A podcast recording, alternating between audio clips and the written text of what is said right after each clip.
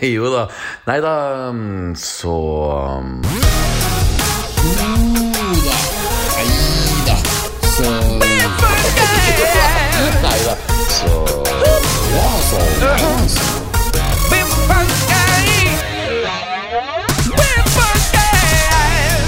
Jo da. Nei da, så Jo da. Mine damer alle dere andre. Hjertelig velkommen til episode 76 av vår supernostalgiske Star Wars-podkast. Jo da, nei da, så. Nostalgisk, ja. I hvert fall hvis vi snakker om nostalgi fra 2008, for vi skal ikke lenger tilbake enn det, altså. I dag skal vi nemlig snakke om episode fem av Asoka-serien, som går på Disney Pluss, som, for som for anledningen har den fengende tittelen Shadow Warrior.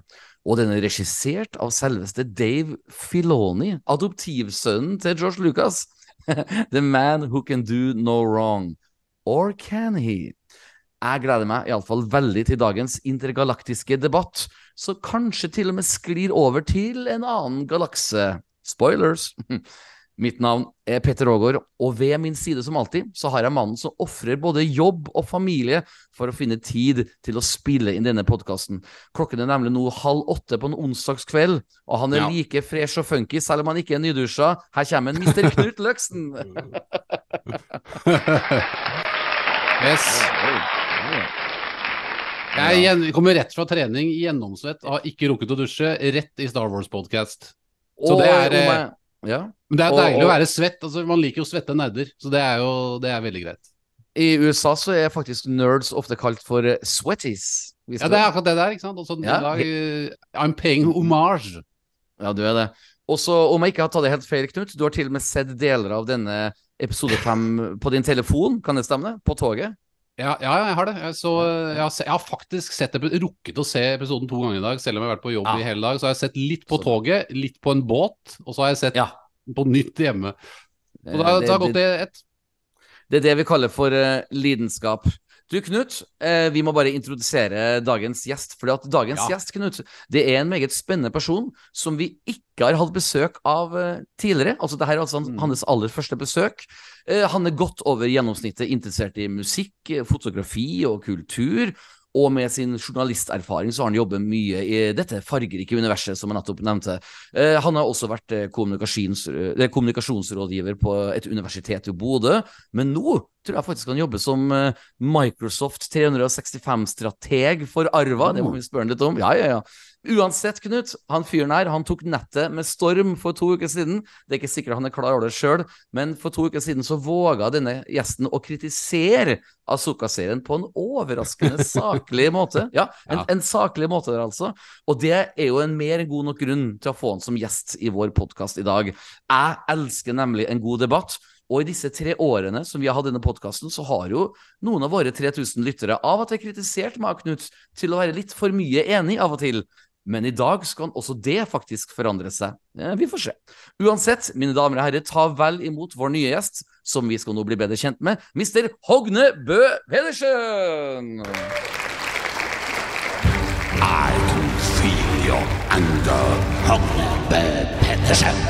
Gives you focus, makes you stronger. Good.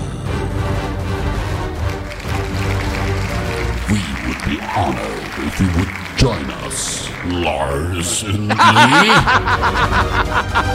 Og spoilers, Lars Lundli eh, jeg hører på hva nå. Redigeringsklipp de luxe. Eh, Redigeringsskriv. Eh, Hogne, velkommen til oss. Tusen takk. Det er altså slik at eh, det du kanskje ikke vet, Hogne, er jo at vi har gjennomsnittlig 3000 lyttere hver uke. Eh, overraskende få kvinner, men når det kommer til menn, så er det like mye gutter som menn som hører på oss. alltid fra tolvåringer til eh, menn oppe i 40-åra. Så ikke vær redd for å snakke voksent, for tilbakemeldingene vi får fra tolvåringene, er at de liker å høre på hvordan vi voksne mennesker analyserer og tenker angående Star Wars. Så med andre ord, bare vær deg sjøl i dag, Hogne. Ja, men Det høres bra ut. Veldig, veldig bra. Du, eh, Knut og Hogne, jeg tenkte først å starte denne podkasten på en litt sånn annerledes måte. Eh, for det, altså, altså For å si det rett ut, la oss prate litt politikk. Eh, som våre 3000 lyttere vet, det har jo nettopp vært eh, kommunevalg i Norge. Og det er jo ingenting som er mer Star Wars enn kommunevalg. episode fire, A New Hope, har jo Vietnamkrigen som en ramme, og ikke minst nazi-uniformer til imperiet. Og det at de onde snakker britisk, kan jo så klart minne om colonialism back in the day. Og i episode tre, Revenge of the Sith, så har vi Anakin som en George W. Bush-klone som sier If you're not with me, you are my enemy. Som er nesten et direkte sitat fra hva Bush sa til en rekke europeiske land i 2003, da vi ikke ville støtte hans invasjon av Irak. Det, han sa, var riktignok If you're not with me, you are against me. Så nesten det samme. Um, uh, og så har vi TV-serien Andor, som er superpolitisk på mange måter, som vi kan bruke flere timer på å prate om. Og så klart Phantom Menace, som diskuterer skatteutfordringer mellom forskjellige trade routes uh, og planeter. Altså, som sagt, kommunepolitikk. så nå, kjære Knut og Hogne, nå skal jeg være så unorsk og spørre dere hva dere stemte for noe. Fordi at eh, jeg skal nemlig sette det i et lite Star Wars is point of view. Så skal vi etterpå finne ut av du, om deres politiske syn vil ha noe effekt på hvordan dere likte episode fem av Asoka. Er Knut og Hogne klar for det? Ja. ja. bra. Ok, da kan jeg starte. Eh, det partiet jeg stemte på, det er Venstre. Så det putter meg på en måte inne i Cloud City. Du vet, Jeg er liksom i planeten Bespin sammen med Lando og hans venner. Du vet, Ikke så veldig provoserende. Ganske åpen for å finne måter med å samarbeide både med de slemme og de snille, for å sette det litt på spissen. Så Venstre vet du, er ganske få i antall mennesker, men likevel så er det mulighet til å være med å forandre ting i kommunepolitikken. Så der har du altså meg. Eh, Knut Løksen, hvilket parti stemte du på? Ja, altså, jeg tenker på, jeg tenker på at du, Petter, hvis Ja. du hadde vært i regjering, så hadde det blitt et sånt, et sånt lilla slør Ja. over hele politikken. Ja. Funkpartiet De Lilla, for eksempel. Veldig det hadde det. kosmisk. Ja, Ja. Det er ikke noe hold i noen ting, alt bare flyter. Nei, jeg, bor, jeg bor jo i en Høyre-kommune, og der går det jo veldig bra. Så jeg stemte jo på Høyre. Eh, så, ja. ja, så vi er på helt forskjellige kanter. Så jeg vet jo hvor du kommer til å plassere meg. meg igjen. ja, jeg, jeg tenker høyere da er du litt mer sånn på den menneskesiden av planeten Naboo. Ja, ikke sant? Ja. Ja, ja. Det er veldig sånn klassisk Høyre. Ikke noe formuesskatt, for eksempel, og sånn. Men det er det jo mange. Eh. Venstre er vel også for det, hvis ikke jeg husker helt feil i den der valgomaten jeg tok. Jeg tok en sånn valgomat, og da Faktisk på valgomaten så var det Senterpartiet som kom best ut på meg, da. Så jeg stemte jo ikke på det som kom best Nei, ut på akkurat den.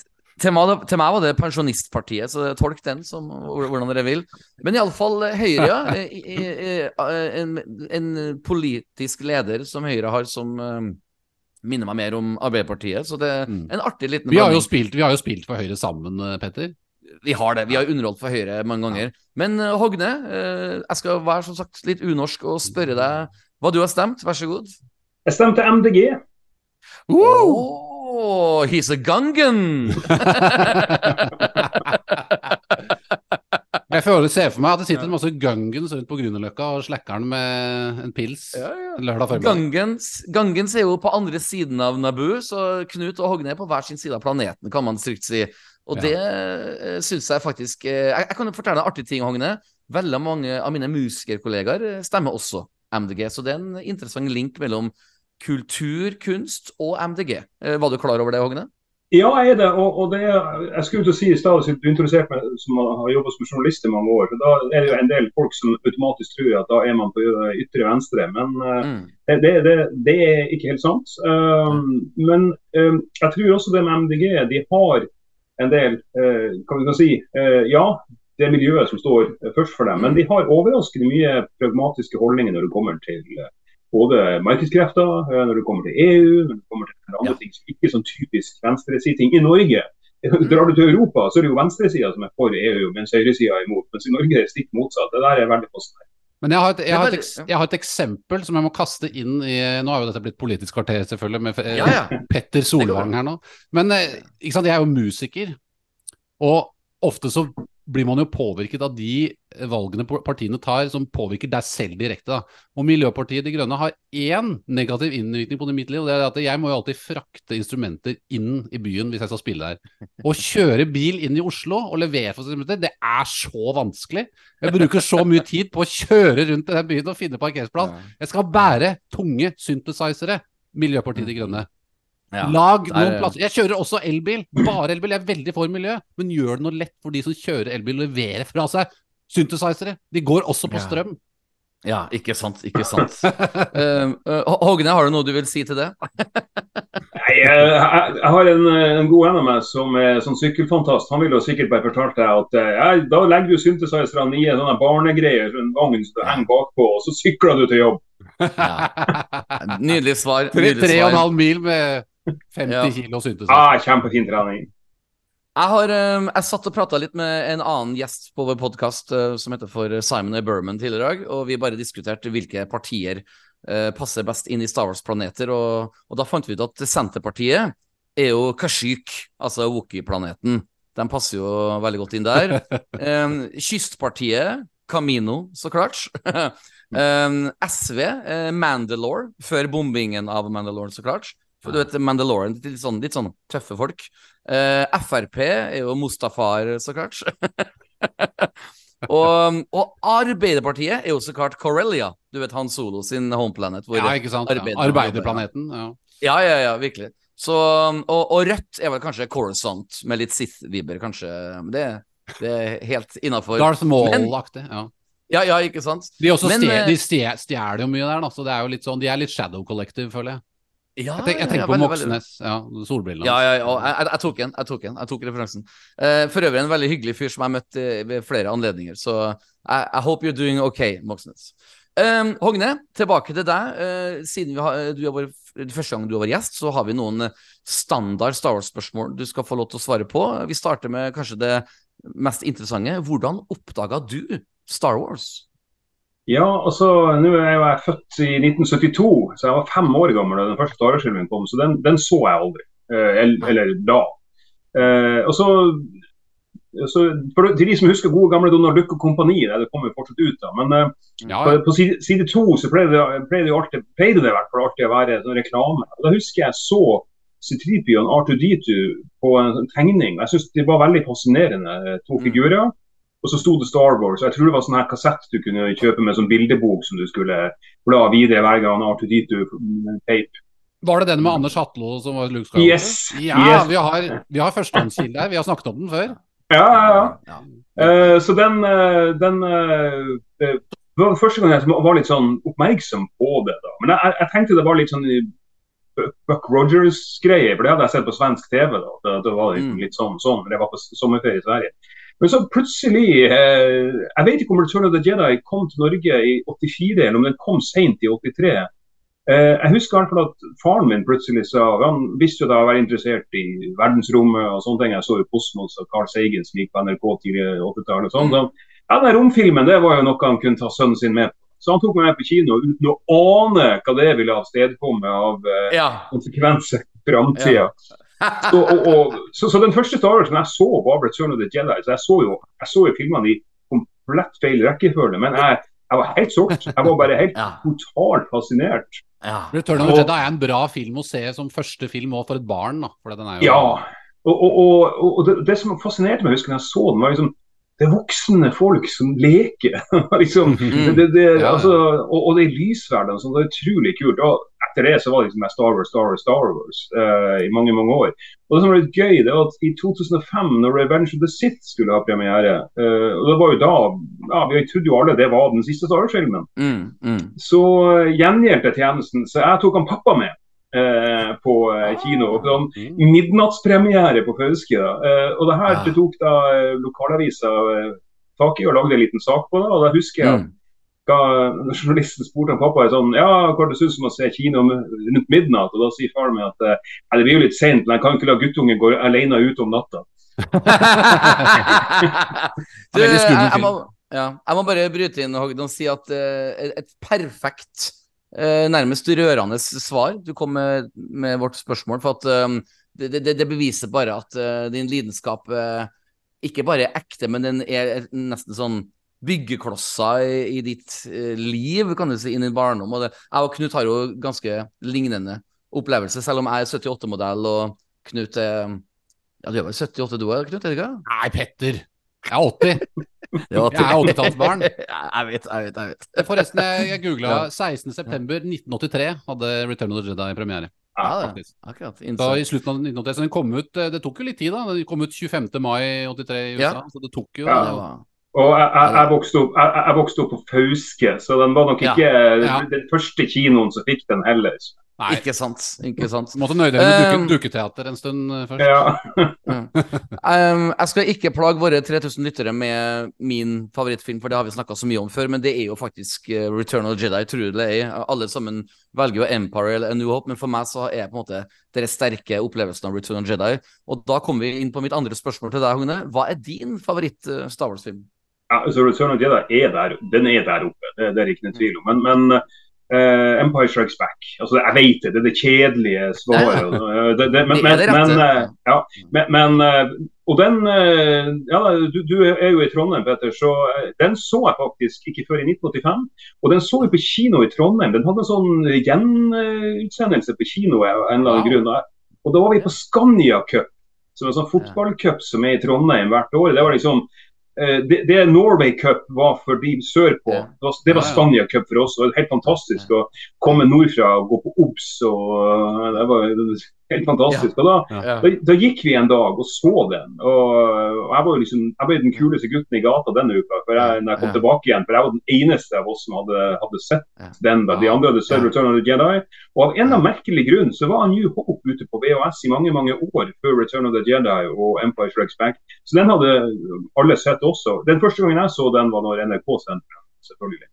Eh, alt det du sier, stemmer. Det, jeg, jeg kjenner til faktum. Og det, til, og med hvorfor eh, A New Hope var uh, mer tilgjengelig, var for at det var en uh, mindre komplisert deal George Lucas hadde med Fox. På første filmen så ble det mer og mer komplisert på de neste filmene. Du vet med Ja. at Lucasfilm skal ha mer kontroll. Så det stemmer veldig godt. Um, jeg har Fox, følelse Fox at- eide vel en New Hope veldig lenge, gjorde de ikke det? Helt, helt Ja. riktig. helt riktig Så de bare gønna på og kjørte over Lucas, for Lucas hadde mindre rettigheter på den filmen. Ja, ja. Um, men um, jeg har da en følelse Hogne, på at en av dine favorittkarakterer i Star Wars kommer fra originaltrilogien, kan det stemme? Det gjør det. Det er selvfølgelig Darth Vader. Eh, han er bare så forbarska kul. Han har det Ja. kuleste kostymet noensinne. Mm. Og jeg husker jeg snakka med en som hadde sett Star Wars, den originale Star Wars, en, en engelsk venn av meg som noen år eldre enn meg. Og han sa det at når han så Star Wars første gangen, de visste ikke noe om den. Uh, de hadde bare liksom gått og sett den. Og fra det øyeblikket Darth Vader kom på skjermen, så visste bare alle i kinosalen han er ond. Altså, det, det, han har ikke Mm. sagt noe, han har ikke gjort noe. Mm. Han er bare eh, Og den, den pusten og den stemmen og Ja. sånne ting. Og, og de fantastiske replikkene. Altså, Mm. han, George Lucas har fått mye kritikk for replikker opp gjennom året, men Darth Vader sine replikker er bare fantastiske. De er helt nydelige.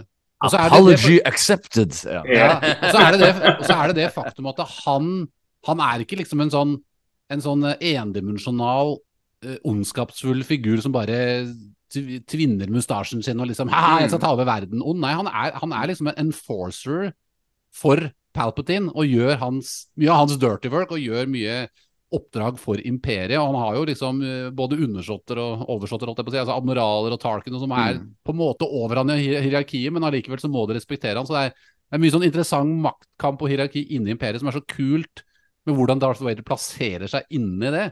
Sånn at mm. han, er en, han er en utrolig bra skurk. da, Så har du selvfølgelig Palpatine oppå der som Ja, og, og det som også er med Darth Vader, han, han er alltid kul. Han, han, i, I hvert fall i originalfilmene så er han aldri Han, han mister aldri besinnelsen. Han er alltid Nei, nei. kul. Han, han virker alltid som han er ovenpå. Ja. Du, du, som, Mm. uansett hva du prøver på, så er han alltid et steg foran deg. Han er en strateg, Ja. han, er, han er en dyktig altså, det, det er aldri som, det er akkurat som Han tviler ikke på noe av det han gjør, og han har Mm. stort sett eh, full eh, kontroll. Og Det synes jeg det, det er en ting som jeg likte i en del av Darth Vader-tegneseriene som Dark Horse Comics og Marvel også oh, har. Dark, gitt Horse. Dark Horse er dritbra. Ja. Ja, ja for, for de, de beholdte den Darth Vader. Altså, det, det, det, han, var, han var akkurat sånn. Mens den Darth Vader vi så i Obi-Wan-serien, han var mer sånn Nei, det der det, det, det funka ikke. Du skal ikke. Han skal ikke miste besinnelsen på den måten der. Det, det, Åh, Ja, Gud, jeg er så enig. Ja. ja, Disney har ikke skjønt karakteren når de gjør det der. Nei, Eh, det, det, det du sier akkurat nå, Hogne, det er jo selve essensen av uh, hva vår podkast veldig ofte handler om, er å, å snakke om akkurat slike ting som du akkurat snakka om nå. At, eh, og det er jo det som, som jeg nevnte, disse tolv år gamle guttene som ser på en litt enklere måte på disse nye Disney-TV-seriene eh, via Lucasfilm, så kommer vi voksne 40 pluss og sier slike setninger. Spot on, Hogne. Det er akkurat, der, eh, det, er akkurat det Yoda Neidas handler om, faktisk. eh, Å put Uh, the record back, hvis det er et, hvis det er et sitat. Men av, av, av, apropos sitat, eh, har du noe favorittsitat eh, fra Star Wars? Kanskje noe fra Darth Vader, kanskje? Ja, uh, I find your lack of faith disturbing. Oh. Det, for, det første, for det første så er det en fantastisk scene. Den er helt uh, briljant spilt. De her skuespillerne er jo klassiske teaterskuespillere fra Yes. England. Yes. Uh, og, og, og så merker du at, han Darth Vader, selv om han Tarkin sier han 'enough of this, release him', og han Ja. Vader bare sier 'as you wish', så syns jeg den 'as you wish'en den høres sarkastisk ut. Ja, ja, ja, Yes. Den, den er liksom bare sånn eh, OK, la han tro han er sjef litt lenger. Mm. Ja, Eh, men det er fordi han er, han er liksom lojal til keiseren og det systemet han er i også. Men han Ja. gjør det med selvsikkerhet, og det er jo veldig tøft. Ja, Mm. Nei, altså, så det, det er nok mitt favorittsitat. og Jeg, jeg, har, jeg har vel en T-skjorte liggende en plass hvor det står I find your faith disturbing. og det er sånn, Du kan gå på ei gigantisk, eh, gigantisk konferanse i Orlando i USA Mm. som, Mm. som dreier seg om uh, IBM-produkter, og plutselig så går du forbi noen bare ah, I love your T-shirt, man! Ja, ja, ja. ja det, det er artig, altså. Apropos å elske ting og glede seg til ting. Vi har jo et ekstra spørsmål til deg, siden du er såpass uh, inn i Star Wars. Og det er jo det at um, nå i fremtida så er det veldig mye nye Star Wars-produksjoner som er på vei. Vi har Andor sesong to, Lando, The Acolyte, Skeleton Crew, disse tre filmene. Eh, hvilken eh, TV-serie eller film gleder du deg mest til, og hvorfor? Jeg gleder meg mest til Andor, uh, sesong to. Ah. Ja. Ja. Uh, jeg syns Andor, Andor er det beste Disney har gjort av Star Wars. Uh, det, var, det var et par episoder som jeg tenkte litt sånn Hæ? Eh, men slutten, siste halvdelen av den sesongen var bare helt Ja. fantastisk. Altså. Og, eh, men, det, det, men det var litt som han her eh, kritikeren eh, på YouTube, en critical, critical eh, Drinker. drinker. ja. Ja, ja. Eh, han sa det at det var det beste jeg har gjort, men, det, men nobody knows. Det, var, det virker ikke som noen så det. Altså, Nei, jeg, altså- jeg vet ikke. Den, den har lite, fått lite omtale. da. Eh, og så har, jeg en, har en veldig god venn av meg som Han er liksom han er, han er sånn fyr hvis, hvis hardbarka Star Wars-fans liker noe, så er det stor sjanse at han ikke liker det. Ja, Så, ja. Og han, han holdt på å kjede livet av seg Andor. Han ga opp uh, serien. Ja, Mens så Ahsoka-serien han syns har vært kjempebra. Uh, eller ikke, i hvert fall bra, underholdende. ja. uh, så, så han er liksom sånn eh, hvis, Så ofte så spør jeg meg hva Star Wars-fans sier, og så forteller jeg det. ja, det er sikkert dårlig. ja, ja, ja.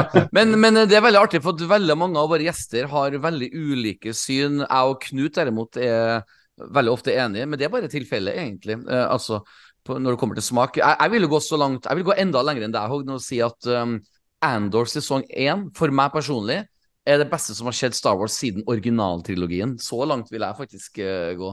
Uh, jeg syns det var en større opplevelse enn prequel-filmene og alt det andre TV-serier. Men, men uh, det som er artig nå, Hogne, nå har jo du fått mulighet til å for forberede deg på disse fem spørsmålene. Det du derimot ikke vet, er at vi har en ekstra liten eh, Ikke Star Wars-quiz, men en sånn en, en, et, en ting vi kaller for pinnekjøtt eller ribbe. Og det er så enkelt som at nå skal vi stille deg noen enkle spørsmål. Du bare velger alternativ A eller B, og hvis du føler et behov for å begrunne, så har du lov til det. Og hvis vi føler at du, ditt svar er rart, så har vi, kan vi lov til å be om en begrunnelse. Og hvis du svarer riktig på de, noen av disse spørsmålene, så får du lov til å fortsette være vår gjest i dag. OK.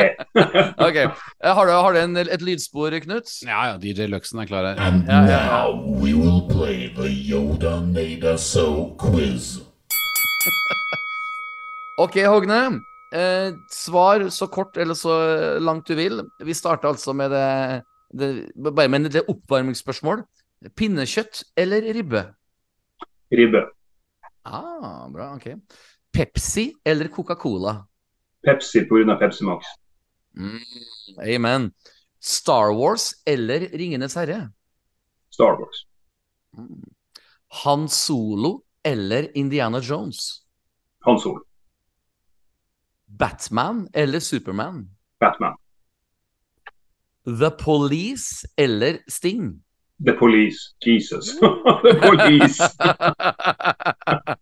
Eh, Jeg fikk, jeg, som du sa i stad at jeg jobba som musikkjournalist. Jeg fikk en gang tilbud om å dra dekken Sting-konsert. Jeg syns Sting er så kjedelig at jeg sa nei til 4000 kroner. Wow! Ja, men det, det, det er interessant. Eh, Våre gjester svarer faktisk forskjellige er- ting, og det finnes Ja, unnskyld.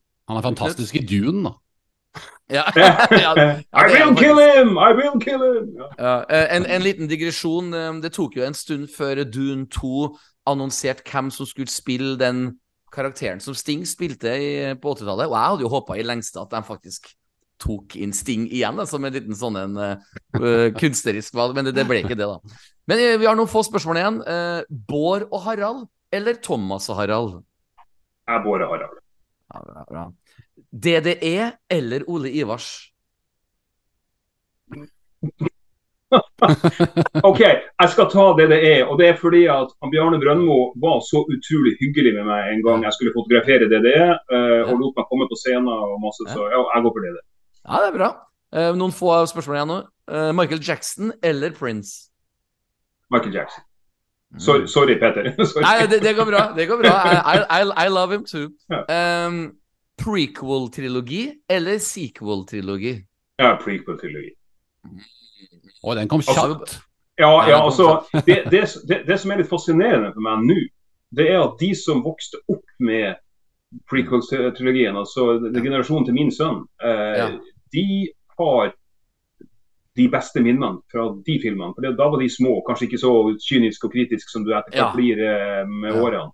Men jeg må si at jeg ser òg med blidere øyne på, på de filmene. Ja, I dag. Men det er jo også fordi vi opplever det litt gjennom de nye generasjonenes øyne også, føler jeg. Ja, Ja. ja. Og så så vi hvor gærent det kunne gå med Disney. Så det, ja, ja det, Altså, Fy fader, den prequel-trilogien var bra, altså. Det var liksom Eh, Et spørsmål som er ekstra artig til deg, Hogne. Eh, PC eller Mac? Jeg har hatt begge delene, men jeg må innrømme det at jeg syns Windows er blitt utrolig bra. Så jeg, jeg, går for, jeg går for PC. Wow, wow. Da er vi tilbake til noen få musikkspørsmål. Uh, Oasis eller Blur? Blur. Bra. Uh, siste spørsmål. Beatles eller Rolling Stones? Ja, Beatles. Ah, no no competition. da, da tar vi en bonusspørsmål, da. Sjokolade i kjøleskapet eller sjokolade i romtemperatur? I romtemperatur. Det, vet du hva, Knut Løksen, jeg synes at Hogne altså Ikke bare har han svart riktig på mange av spørsmålene, men øh, har du noen analyse, Knut, om øh, hvilken person And Hogne er? now you have completed the trials of the Dark Lords of the Quiz. Jeg måtte bare spille av deg, det er så lenge Ja, siden. ja. Det er det som er så gøy med en ny gjest, at vi får tilbake det segmentet her, føler jeg. Ja, ja, det er godt. Oppkvikkende og forfriskende. Nei, jeg Eh, syns eh. eh, det er liksom Jeg liker alle som svarer Batman istedenfor Supermann. Supermann er litt sånn kjedelig superhelt, for han kan kan knuse jo alle og alt hele tiden. Batman har, er liksom underlegen, han er en underdog.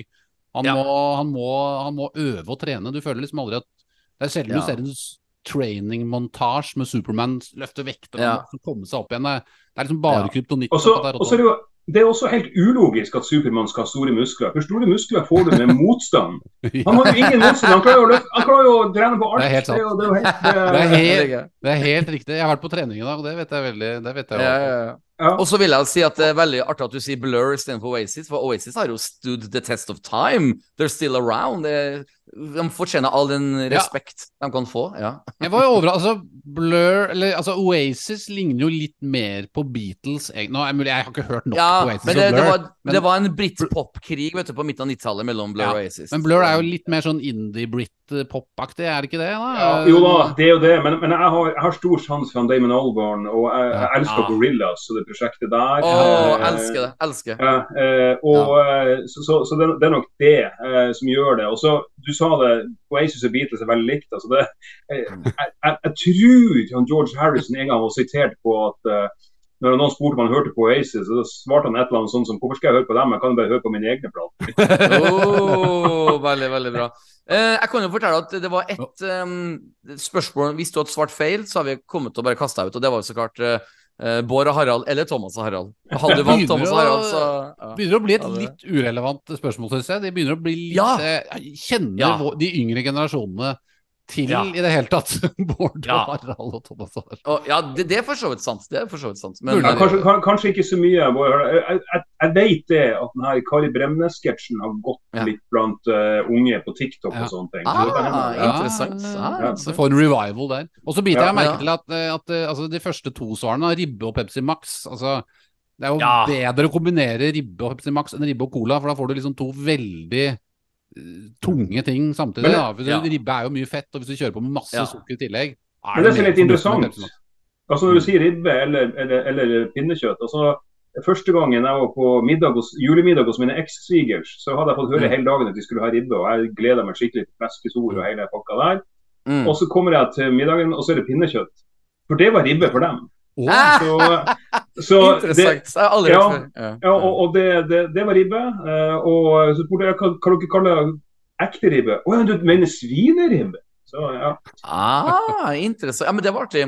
Du, Hogne, jeg kan jo bare si allerede nå at eh, før vi helt tatt har begynt å snakke om episode fem, så er, er du allerede godt inn i varmen på god stemning her i podkasten. Så nå gleder jeg meg veldig. Vi har kommet til halvtimespunktet, altså 30 minutters eh, inne i podkasten, og da skal vi altså snakke om episode fem.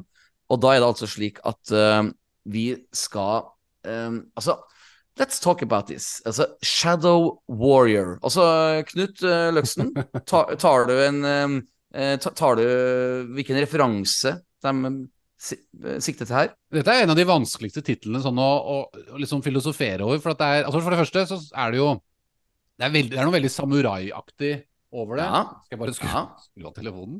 Eh, det er noe samuraiaktig over bare den, uh, over den tittelen, altså Shadow Warrior.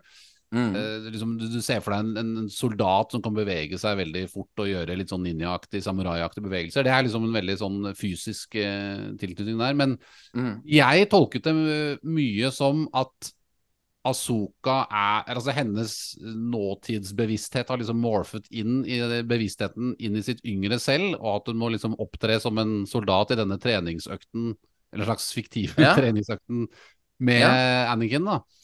Og så er jo på en måte Anakin også en slags shadow warrior som bor oppi Yes. denne Men han, han eh, Ja, altså jeg, jeg, Ja. jeg ser jo egentlig mer altså Det er mulig jeg feiltolker det, men jeg ser jo nesten Nei på han som mer som en slags for, han, har, han har overtatt som en slags force-gud inni The World Between Worlds. Er det, Ja, det er det, vi- den følelsen jeg får av dette her, da, i og med at han, han har både det mørke og det han, han prøver å opprettholde en slags balang, kosmisk balanse inni Ja, altså vi, vi, skal, vi skal gå dypere tilbake til akkurat det. Um, Hogne, før jeg stiller deg samme spørsmål, så kan jeg fortelle dere at uh, det er jo en Kuro Kurosawa-film fra 1980 som heter Shadow Warrior. Og vet dere hvem som var executive producer på den filmen? George Lucas. Jo- George Lucas, ja, ja. Og um, det er fra 1980, vet du, og som dere vet, George Lucas forguda jo eh, Kurosawa. Så det kan jo hende at uh, Filoni, som for øvrig er regissøren på denne episoden, har uh, fått med seg disse referansene. Ja, ja. Eller, er det, eller er det noe du har lagt merke til, Hogne, angående tittelen på episode Nei, altså, ja, jeg, tenkte jo ikke samurai. for Samurai de var ikke i skyggen, de, mens ninjaene var det. Ninjaen hadde Ja. ingen ære. Eh, De, de var æresløse, de, de hadde ikke den æreskode. Så de, de stakk det i ryggen. De, de gjorde, brukte alle triks i boka. eh, Ja, ja.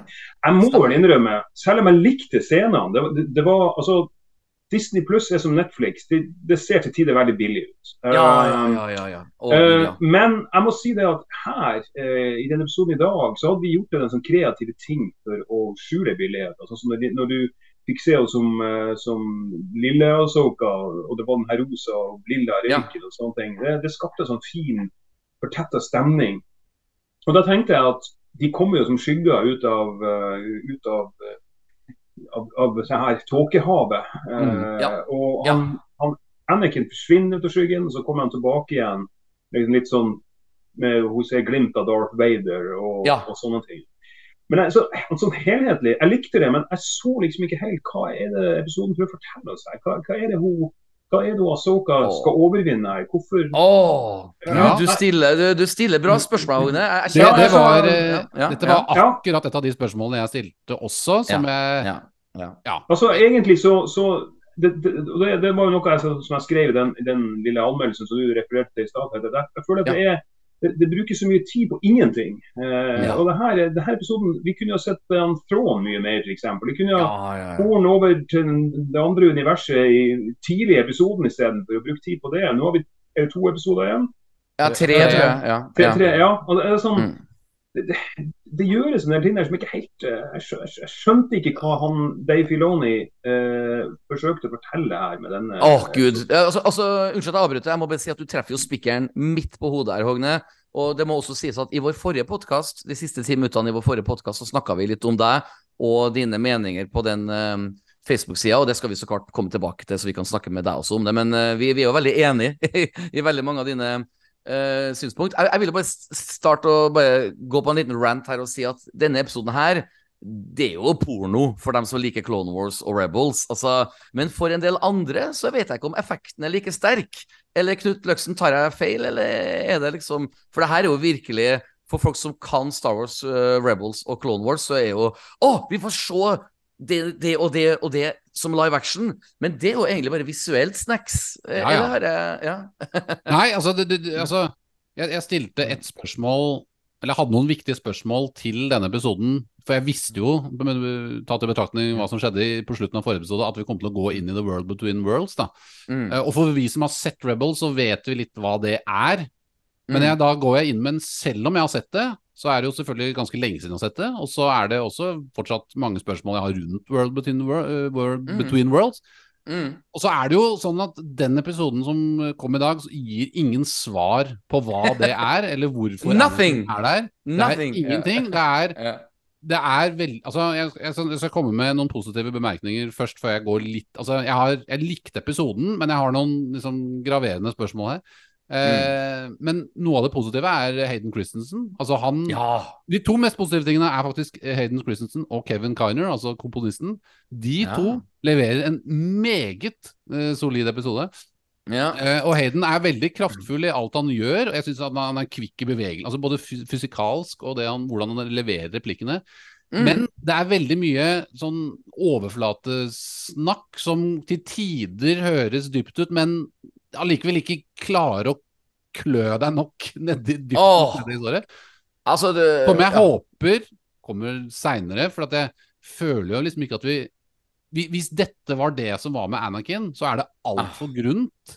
Det er, på en Ja. måte, det, er på en måte veldig, det er på en måte veldig dypt på den måten at du Ja, vi får se ting i live action visuelt. Det er dritkult, og vi får se flashbacks fra Mandalore-scener fra Mm. da Asoka var der uten Anakin.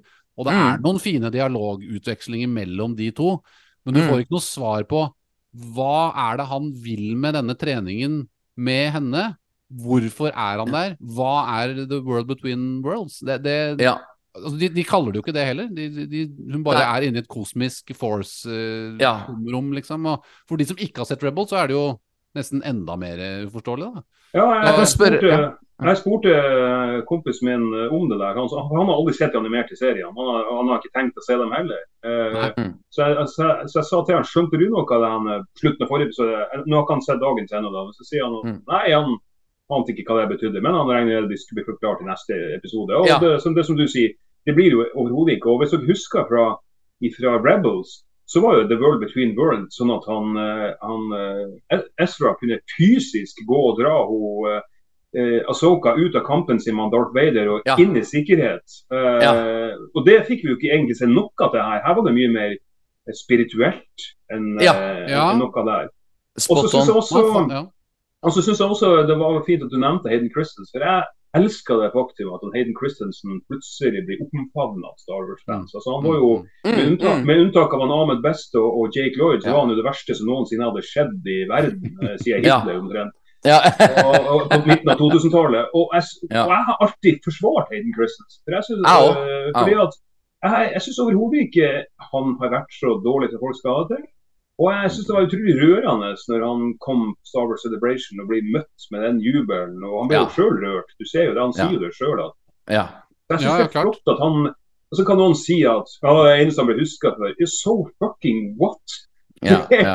det må jo være helt utfattelig kult å bli huska for noe som hundrevis av millioner folk i fans Ja. for, hvis det er den ene tingen. Ja. Det er mer enn hva de fleste av oss husker. Ja, altså, det var en one hit Det var en, det var en one hit wonder-artist som sa her forleden A one hit wonder is better than none hit wonder. Så, så Ja, ja, T- T- Tin Buck 3, som hadde denne hiten med The Future So Bright, I Gotta Wear Shades. De ble Ja, intervjua ja. en sånn eh, VH1 One Hit Wonder. Så spurte jeg om de syntes det var plagsomt å ha One Hit Wonder. Så, så sier han at Nei, det er bedre enn å være two hit wonders, for det er ingen som lager TV-program om two hit wonders.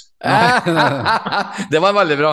Uh, jeg må bare gå litt tilbake, Hogne. Altså, når du snakker om at uh, Hayden ble rørt. Uh, jeg ble rørt av at han ble rørt, så så, til, så meta var den opplevelsen for meg. Jeg må bare spørre deg, Hogne. Altså, det spørs så klart på hvilke premisser man skal dømme en opplevelse på. Men jeg er jo som sagt litt sånn som partiet Venstre. I'm somewhere in between når det kommer denne episoden her. Men altså, jeg likte episoden her, men jeg elska den ikke. Men det var fordi at mine forventninger forventningene var altfor store denne uken her. Eh, spesielt siden Lucasfilm arrangerte kinovisninger av denne midseason-episoden i både England og USA. Og, altså, jeg bare spør deg rett ut, Hogne.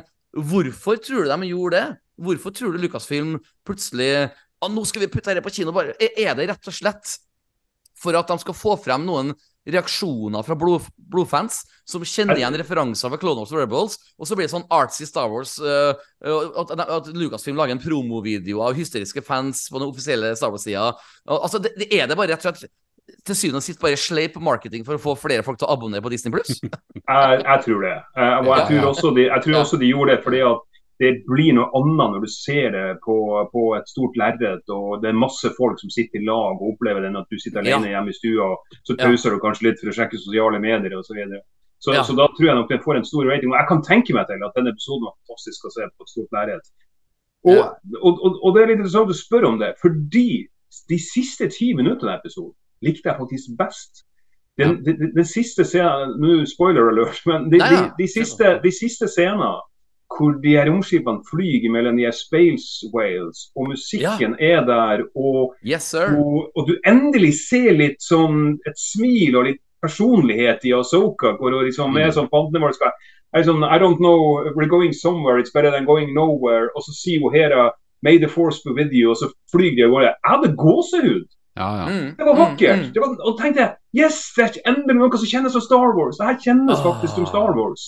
Mm. Ja, det er jeg veldig enig Det er jeg veldig enig Og det, det, det, det, er litt det samme som den derre Altså, det Force Awakens gjorde som ikke var så veldig eh, bra, var jo det at de kopierte veldig mye. Det er en, ja. enda en ny Death Star-planet, ikke sant. Og i Rise of Skywalker så kommer Nei, vi har bare masse Star Destroyers, og alle har uh, nye ah. supervåpen.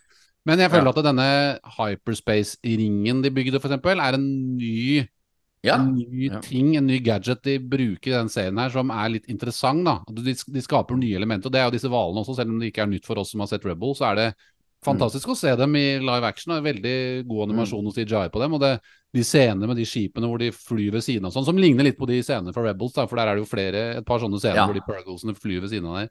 Og så mm, vi, vi, et, uh, vi ser vel et glimt av dem, de space-hvalene i hans solofilmen også.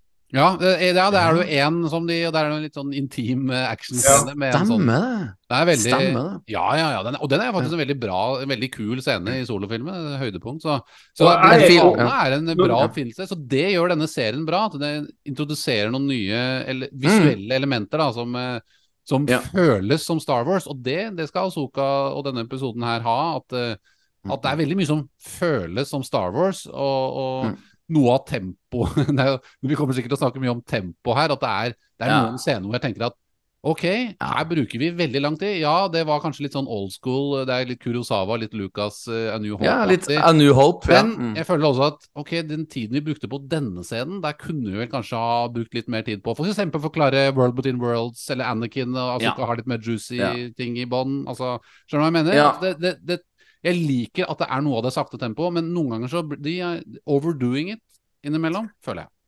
Ja, altså jeg kan jo bare si, og her kan også ha et spørsmål til Hogne. Jeg kan bare si en liten sånn intro her at um, eh, Ta for eksempel det at Anakin plutselig blir sånn bitte litt Darth Vader her og der. Altså Det er jo kult, men det er jo ikke det som løfter en episode opp til terningkast seks. Altså, det her er jo bare sukkertøy, altså fanservice, altså nesten på en sånn desperat måte til å få folk til å elske det. Because we remember that thing from that thing. Du skjønner hva jeg mener? Og det er jo akkurat her jeg mener Andor gjorde alt rett med å skape nye opplevelser i Star Wars, og ikke bare mer av det samme. Og så misforstå meg at jeg elsker Anakin Skywalker. Altså, det som du ikke vet, Hogne, var at i vår aller første podkastepisode, i 1. oktober 2020, så sier jo jeg at uh, min favorittkarakter i hele Star Wars-universet var Anakin Skywalker før prequel-filmene kom. Altså, altså det, det, jeg mener med det, at uh, bare måten Anakin blir snakka om i originaltrilogien Ja, ja. av Obi-Wan Kenobi og, og senere liksom av Darth Vader himself. Altså, That name has no longer any meaning for me. Altså, du vet sånn, Det forsterka fantasien min. Uh, altså, du, du skjønner ikke, Jeg så for meg en Anakin Skywalker med en sliten, svart X-Wing-uniform som hadde blitt så mørk i fargen at man nesten kunne ha blitt sett på som en Tie Fighter-pilot. Altså, du skjønner hva jeg mener? Fantasien min tok uh, Altså, poenget mitt at nå er det more is more som står på menyen i Azoka-serien. Og jeg vet ikke helt om vi trenger det.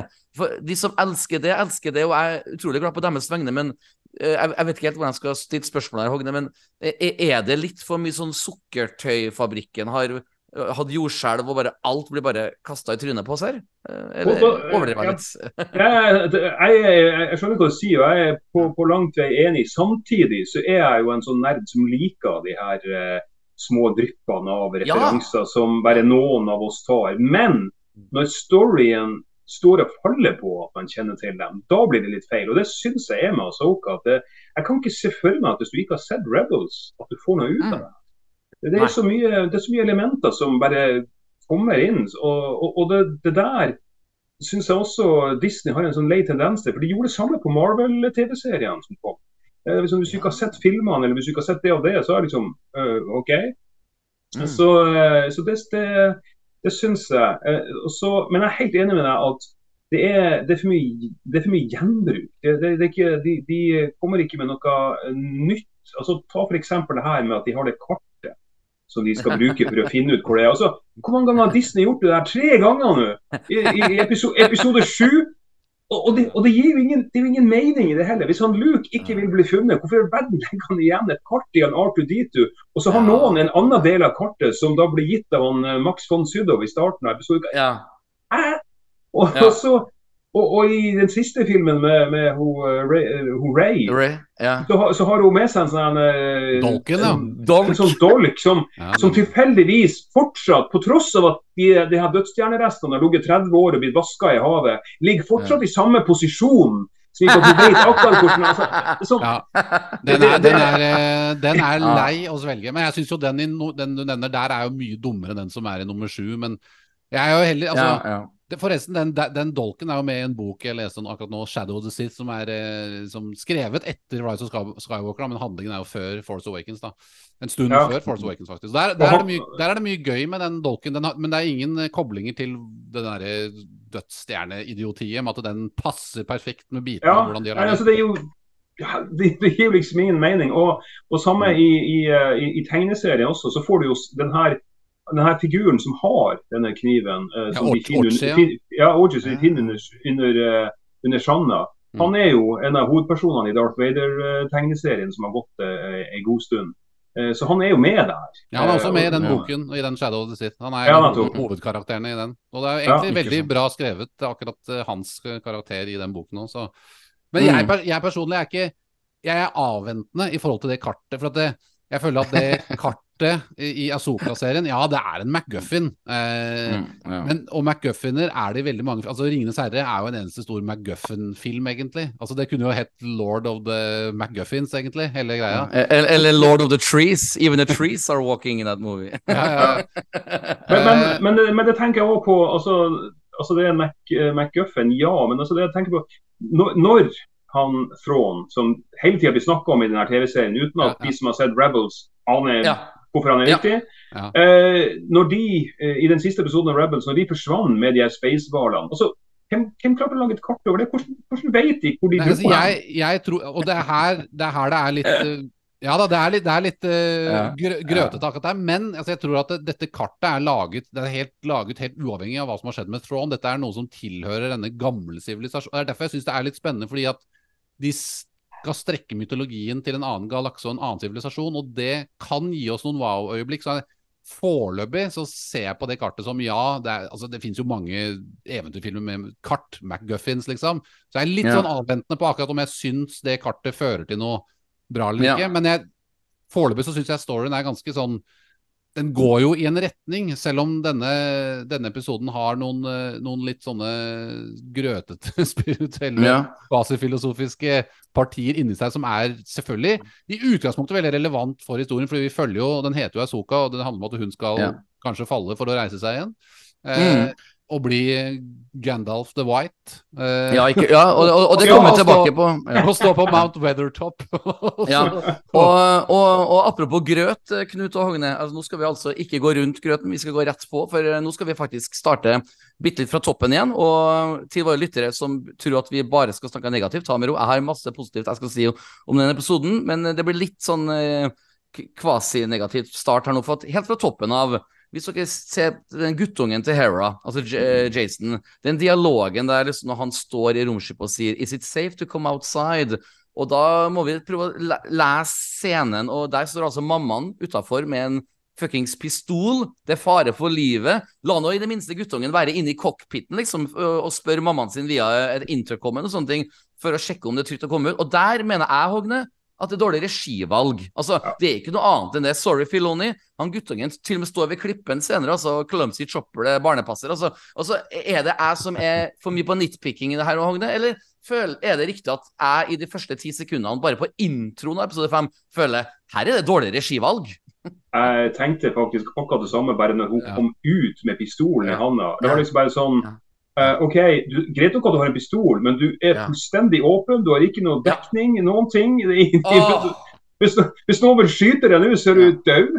Jeg, jeg, jeg blir sånn- fornærma. Jeg føler at uh, Star Wars Jeg, jeg, for, jeg, forvent, jeg forlanger mer av Star Wars enn en så dårlig scene. Hva med du, Knut? Er du enig med meg? Nei, jeg, jeg tenkte faktisk på det selv, at den scenen den, den drøvtygger liksom litt av gårde. Ja. Og de Ja. bare sier liksom Det blir avlevert noen sånne eh, veldig forutsigbare replikker. Sånn oh, Kan jeg gå her? Nei, vent litt. Nå kan Ja. du gå. Altså, det er litt sånn det, det går så sakte, og så er det så veldig opplagt hva det er litt skal si, og så er det litt Ja. sånn du, du føler at du kanskje har stått på settet der og tatt det litt på sparket. Altså går du der, gå tre meter dit, og så fem meter Ja. dit med den pistolen i hånda og ser litt uh, undrende ut. Det føles litt sånn eh, kjapt eh, gjort, da. Du har ikke fokusert Ja. så godt på detaljene i de enkle tingene. Litt som, for, å gi, for å gi en musikksammenligning, da, hvis jeg får en låt Ja. som er teknisk enkel å utføre, så kan jeg velge å sette meg bare på rumpa og bare, bare leke meg gjennom det. Men det låter jo ikke Mm. fett. Altså Jeg må jo ta tak i de enkle tingene og formidle det og gjøre noe kult ut av det. Om det bare er én tone som spiller, så skal jo den låte Ja. kult. Eh, Mm, mm. hvilken lyd jeg skulle spille på. Men, eh, og det, jeg føler at det, den scenen burde vært Selv om det er andre ting som skjer rundt omkring i, på det området, er Ja, så- men, uh, men, men ikke for å kveile, men også Det som skjer rett etterpå, er jo at eh, droiden Huyang står med hjelmen til Sabine. Altså, There's nothing new here. Vi har Nei. sett folk titte på Ja. en Mandalorian-hjelm før i Star Wars. Og po- poenget mitt er at det er ingen banger opening før Azuka-logoen dukker opp. Altså, sånn, så vi, vi har fått beskjed at eh, episode fem skal være en banger, og så er det ingenting som skjer før Azuka-logoen dukker opp. Og da må vi tilbake bitte litt til det, The World Between Worlds, for at Anakin prater jo. Uh, og jeg føler jo at uh, Jeg tenker så, Hva for noe cinematisk historisk kommer ut av hans munn? Så gammel du har blitt! Det han sier, liksom. Jeg bare tenker, fy faen, er det det beste Filoni klarte å komme på å si her? Altså, for det første, Rosario Dawson, she looks um, smashing. Og for det andre, altså, det er crappy storywriting, liksom. Og, også, og, og, hva som skjer neste, blir noe nytt Nei, de begynner bare å slåss, ja. Akkurat. Altså, det, altså Ja, ned for å spørre ja, Unnskyld. Jeg skal, jeg skal si Uh, Det første jeg tenker, er jo The Cave in Dagobah, altså Empire Strikes Back. Det er jo noen likheter her. Er, er det, tolker jeg det riktig at det er liksom Cave in Dagobah-ish Viberg, eller er det noe annet jeg går glipp av? Ja, altså kanskje altså, jeg, Som sagt, jeg skjønte ikke helt hva han Filone prøvde å fortelle med det her. Så, Nei. når Anakin nei. står der først og bruker kjælenavnet sitt på Snips, og Ja, virker ja. veldig sånn Og så plutselig så er det bare OK, hvis ikke du forsvarer deg, så dreper jeg deg. Det liksom sånn, Ja. Hæ? Hva, hva, Jeg, hva, å, er jeg blir provosert. Jeg, jeg trodde ikke Ja, mine det- egne ører. Vær så god, Knut. skal jeg prøve å forsvare det, eller skal jeg prøve å fortsette på ranten? Ja, det, jeg ja, unnskyld. Jeg, jeg syns jo Hayden leverer altså Selv om jeg er helt enig i at det åpnings... Altså, altså Jeg forventa at det var mer at Jeg, jeg syns det er mer graverende egentlig at ikke Asoka stiller noen spørsmålstegn hvor Hvor er jeg? Hvorfor er jeg her? Altså, Ja, hun har jo aldri Hun Ja ja, når jeg tenker Jo, hun har jo vært hun der. har jo Jo, vært jo jo hun, hun har vært der. Hun, hun, ble, Hun hun ble fysisk redda inn i den verden av Ja. han, uh, Ezra. Eh, Men allikevel så blir det et poeng ut av at, det- at eh, det er veldig lenge siden jeg har sett det, og man husker det ikke. Og for de som ikke har sett Rebels, så virker det helt idiotisk. Hvis, Ja. hvis Petter Aagaard, hvis du blir dratt opp i en lilla stratosfære, og det første du Again? Ja, again. Og så det første ja. funk-guden sier til deg er liksom så gammel du har blitt, liksom. Og så sier du Og så stiller du ingen Og så sier du bare ja, Ja, ja, ja, nei, jeg er fortsatt ung. Ja. Og så stiller du ingen spørsmålstegn over hvorfor du er her, og, og Mm. hvorfor det er øh, Du spilles funk på alle sider av, øh, av Petter Aagaard. I en øh, Ja. lilla kosmisk sky, liksom. Ja, sånn, så en, er- en, eh, Det er liksom ikke noe, Hvorfor har du ikke noe eksistensielle spørsmål rundt det? Hun møter jo Anakin Skywalker Sin, sin læremester. sin master. Ja, Ja. ja. ja. fra Ågne, vær så god. ja. Ja, nei, også, og En annen ting er også, når de opprinnelig gikk inn i denne World Between Worlds, så var det jo faktisk en fysisk inngang de gikk igjennom. Her har hun ramla ned fra et stup, og så er hun plutselig der. Eh, Ja. og, det, og det er også noe som ikke var i det, The World Between Worlds før. så Det virka nesten for meg som at kanskje det her foregikk i hodet på henne når hun lå Ja. eh, og drukna i eh, Kanskje ikke det er The World Between Worlds, kanskje det er noe hun bare relaterer det til, fordi at det er noe hun husker. Eh, Interesting kan- theory. Kan, Ja. kan være. Ja. Kan være. ja, eh, så for at eh, som sagt, de sier verken World Between Worlds, det er ikke noe fysisk Nei. med det. Eh, hun bare tenker tilbake, og så, og så blir hun, så blir hun berga. Ja, og, det- det, det ja. Selv om, selv om det, er noen, det er noen sånne subtile eh, Du ser at Anakin, rett før hun kommer tilbake til eh, at hun våkner opp i, i havet igjen, så ser du at Anakin i, i, han gløtter liksom litt opp mot ja, skyene eller stjernene, kall det hva du vil. ja, Akkurat ja. han gir et signal til Jeg tolket det nesten som han på en måte gir, gir et slags sånn nod til Det er jo Jason som på en måte senser hele Mm, greiene som mm. foregår der. Og da Mm. tenker jeg Ja, hvis hun drømmer det, så kan jo en annen senser det også. Eller hvis hun tenker det innvendig. Men, men jeg, jeg, jeg tolket det nesten som at det, Anakin fikk en slags link mellom den virkelige verden og The World Between Worlds, fordi Jason ja. nære der hvor hun var, da, og hun så. Fordi at det virker som han på en måte Ok, nå har de Han merker at de har funnet henne, så da var det greit å slippe henne, liksom. da ja, ikke sant. Hvis du ser det om igjen, så ser du at han gir en sånn lite signal på slutten der.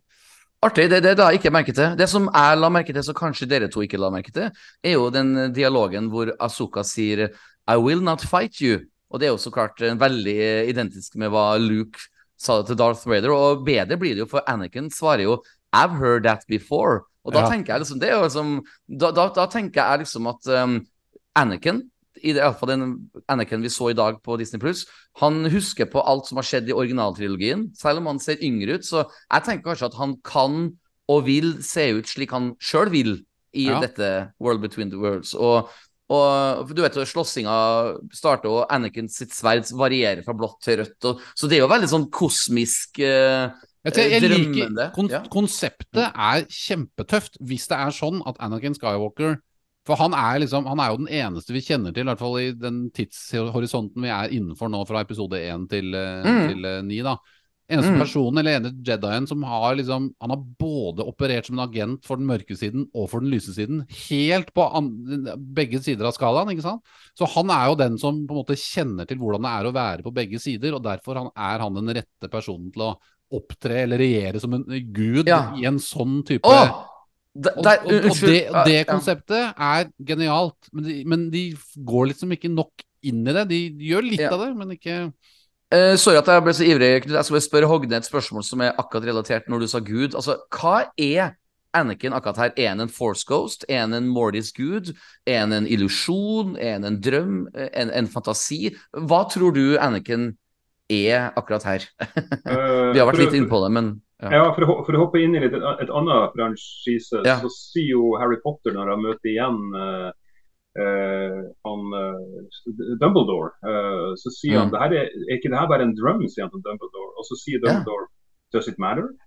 Oh, det- herlig svar. Herlig Ja, svar. det er og, og det, det synes jeg for Det er tydeligvis noe som har hjulpet hun, Asoka, den opplevelsen her. Så det kan ha vært i hennes fantasi, det kan ha vært et Force Ghost. Det kan ha Ja. vært eh, Jeg tror ikke han hadde blitt en sånn Mortar-gud. så for, de som, for de som ikke har sett The Clone Wars, så Ja. skjønner dere Mm. overhodet ikke hva vi prater om. her, greit. men, men, eh, men, det, men det, var- du, du nevnte at han Jason sensa det. og det der det, det her med Jason det åpna jo en del. For det første så åpna det vel en haug med seksuelle fantasier som del folk med at uh, mennesker og Twilex kan uh, Ja. det er det. Eh, det- det andre er at eh, ja, han heter Jason. Ja. Hvor har vi Jason ifra? Jason, Jason Solo. Jason Solo. Altså, Ja, ja, ja. I den Star Wars-kontinuiteten som ble annullert av Disney, så hadde jo uh, Mm. Leia Mm. og Solo tre barn. Og, Mhm. og, og tvillingene heter jo Jason og Jaina. Så jeg syns det er Yes, interessant at, de, at de har vært Jason der. Det, det, Ja, det, Det, det, det, er, en homasj. Ja.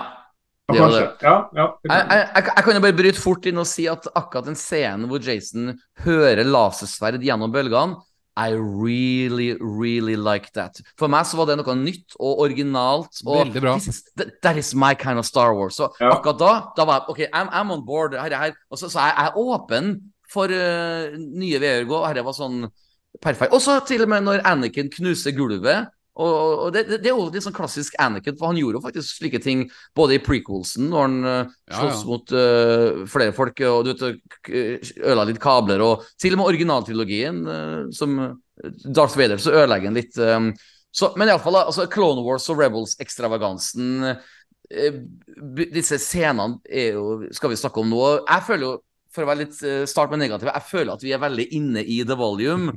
Um, uh, det, det kan jeg la gå. Uh, for de er jo på en måte på besøk inn i fortida, for du hører at de snakker om hva gjør vi her og sånt. Men så plutselig så er de in character. Du vet når den døende clone trooperen Da er de på en måte inne i selve storyen. Uh, og så skal, bør man holde seg til én ting, Knut, eller har jeg gått glipp av noe her? På, det, det er veldig meta her. her. Ja, du mener at, de, at det blir et for dypt sidesprang? At de går inn i en historie som allerede har skjedd? På en måte? Nei, nei, altså, nei, nei, altså jeg, jeg skal prøve å ordlegge meg litt bedre. Altså, Det er jo egentlig sånn tre forskjellige scener vi ser i fortida. Ja, ja, Og ja. den første delen av fortida, det er jo den første kampen, krigen, eh, Ja. Asoka er med i. Og da jeg sånn Da sier jeg jo Men her har jo jeg vært før, og hvorfor er vi her? Men plutselig, i neste scene, når hun prøver å holde handa til den Cloud Trooper, så er det bare en, en spillescene Ja, fra ja, ja. fortida. Og så Ja. plutselig Altså, det, det du ja. tenker på, at hun går fra å Ja. være observatør til å være en del av uh, historien. Thank you. Thank you. Så, Mm. så er, er, er jeg, det jeg, tolk, jeg tolket det som hun Ja. var observatør der også, i den scenen hvor altså Jeg tolket også at de, den første og den andre scenen var fra samme oppdraget, egentlig. Altså når hun møter okay. de døende Ja. klonene. Mens den tredje er helt opplagt på et nytt sted. Og for der dukker jo Ja. for På de to første så er jo Anakin Altså Det er jo fortids-Anakin vi ser, men siden tredje eh, slaget vi kommer til, på Mandalore, når okay. slåss mot Shadow Collective, så, det, så kommer jo da guden okay. Anakin inn. da Sorry, Knut, jeg skal prøve å ordlegge meg for tredje gang. Eh, I den første scenen så er det jo en ung eh, Asoka, men det er Ja. på en måte den voksne Asoka som er inni Ja, den onde kroppen. ja. I den andre scenen hvor hun holdt på med Clone så ser det ut som hun er det, det er den unge Asoka som prater. Og så igjen, i den siste scenen i Mandalore, så er det på en måte den voksne Ja. Asoka i ung kropp. Så det, det, jeg føler jeg skjønner ikke hvor Nei, regivalget jeg, her. jeg tror det var henne hele veien. Det var det den andre okay, okay. scenen også. Okay, Det, det, jeg tolket det for det, det, var vel Det er mulig at det Ja, det må jeg kanskje se om igjen for å, for å analysere det litt bedre. Men jeg, sånn som jeg husker det on top of my head, så, så tolket jeg det som at det var eh, hennes voksne bevissthet som var inne i det der. Så hun stilte vel noen kritiske spørsmål til Anakin, Ja, hun- men det kan tolkes som at det var altså, to, Ja. kan tolkes to måter, da. At det var Ja. liksom flere lag i det hun, i de replikkene hun, eh, hun sa. da. Ja. Men, Nei, altså, jeg er enig i deg i forhold til eh, det, akkurat det med The Volume. Det var det første jeg tenkte. Men det andre jeg tenkte, det var det Ja. at hvis du husker på filmen Attack of the Clone, så er det jo det første vi så av The Clone Wars, var jo i Attack of the Clones, og det var jo når det var krigsscener med Ja, det var jo rett etter duellen på den, eh, på den gladiatorarenaen, så, så, så går det jo ut i en kjempestor kamp hvor de slåss Ja. mot Spider-roboten og de store ja. droneskipene, de der runde droneskipene og sånn. Da er det litt We get got to get to that hangar! Ja. og, og da er det litt samme klaustrofobiske stil som, som vi har her nå, så det, det ligner faktisk litt. Det er sånn stilistisk. Og jeg husker at når vi hadde den podkasten om Attack on the Clone, så hyllet vi de scenene, for det var så friskt og nytt. Og det var en litt sånn annen stil på hvordan de regisserte krigsscenene. Og disse her scenene som vi får nå, de, de er litt like. Kanskje ikke like høyt budsjett og like filmatiske, men allikevel litt like i stil. Men nå er vi litt sånn Ok, det, ligner, det er veldig volume-ish, og jeg tror nok det er De har nok tenkt det at ok, vi sparer penger på bare å gjøre dette i volume, bare tåkelegge hele greia med masse sånn teaterrøyk, og så bare animerer vi noen sånne Republic Walkers som du ser. Antydningsvis, som egentlig var tøft, da. Så gjør Ja. det på en litt billigere måte. Da. Det er jo det. De er jo opptatt av å produsere disse seriene på en rask og billig Ja. måte. Det er jo Det er sånn de greier å spy dem ut. Da. Så Ja. man må svelge noen sånne ting, men hvis man gjør det smart Jeg, jeg kan jo si én positiv ting før jeg stiller Hog- Hogne et spørsmål. Det er at jeg synes at det var veldig bra de-aging av Anakin i disse scenene her. Mm. det skal han faen meg ha. Altså. Og den unge versjonen av Azuka, det er jo faktisk samme skuespillerdama som spilte Gomorra. I Avengers Infinity War. Det var en trivia jeg merka. Takk til Simon for den triviaen. Eh, og hun jenta spiller kjempebra, så jeg blir faktisk litt engasjert. Um, Ja, Hun spiller, unge, spiller unge Gamora, tenker du på? Ja, selvfølgelig? Ja, ja, ja helt, helt riktig. Eh, Takk, takk, takk for korreksjonen. Men uh, egentlig det jeg skulle si til uh, spørre Hogne om, altså at uh, Vi ser forresten, forresten også Captain Rex i bakgrunnen, og det er jo alltid gøy. Azuka tilbake med sitt grønne lasersverd. Um, og så begynner jo Anakin og Azuka å snakke om dere jedier skal være keepers of the peace, not warriors. If you stop fighting, you'll die. Altså, det er veldig sånne eh, rett på sakker saker-ting. Og så går jo altså Anakin fra Vader til Anakin og Anakin til Vader. Altså art-shit. Det er kult, men for meg så er ikke det nok til å hylle for, altså, Jeg har gått litt på nettet i kveld, og går det på sånn Star Wars Norge Facebook-sida, så er jo 100 av kommentarene er at dette er en terningkast seks. Det alene er ikke nok for meg å gi denne episoden terningkast seks, at Anakin hopper fra Vader til uh, Anakin. For meg så er det bare en visuell, kul greie. Men uh, er, er du sånn som meg, Hogn, at du, du Litt ledende spørsmål, forstått, men du, du, du, blir ikke solgt bare på det visuelle snackset duellet? Vi har forstått snakka litt om det, om det tidligere. Nei da, eh, det, det ble jeg ikke. Og, og som så, eh, Jeg er helt enig med Knut. Det, det, det er vakkert. Jeg skjønte jo hvorfor det var gjort sånn, det er billigst mulig. Men ofte så er det jo det her vet jo sikkert om Knut, som er, er sikkert eh, har vært musiker i årevis, at det er når du har begrensninger du virkelig blir kreativ. Ja, Og, Mm. eh, og, og det, det er nok det eh, de har gjort her. da. Jeg syns det var et veldig flott og kreativt valg. Det så kult ut. Det, det var stilig. Og så syntes jeg Det er mulig det er hjernen min som spiller med puss, men jeg fikk liksom déjà vu-følelse fra en del scener i Clone Wars-serien ja. hvor Anakin og Ahsoka hadde lignende samtaler. eh, om, der hun stilte noen av de samme spørsmålene. Ja. Ja. Eh, Ja. så, så, og så begynte jeg å tenke, er, er det bare en scene de har tatt fra filmen og gjort i live action? Men det tror jeg ikke. Jeg Nei, tror det er bare mer sånn, sånn eh, hva vi skal si, en, en, en miks av, eh, av alle de her samtalene som de hadde. da. Mm, Eh, mm. Samtidig som jeg tror, sier hun Ahsoka vet kan Anakin etter hvert blir, at det er litt farga litt av det også når han sier 'then you'll die'. Eh, det, Ja.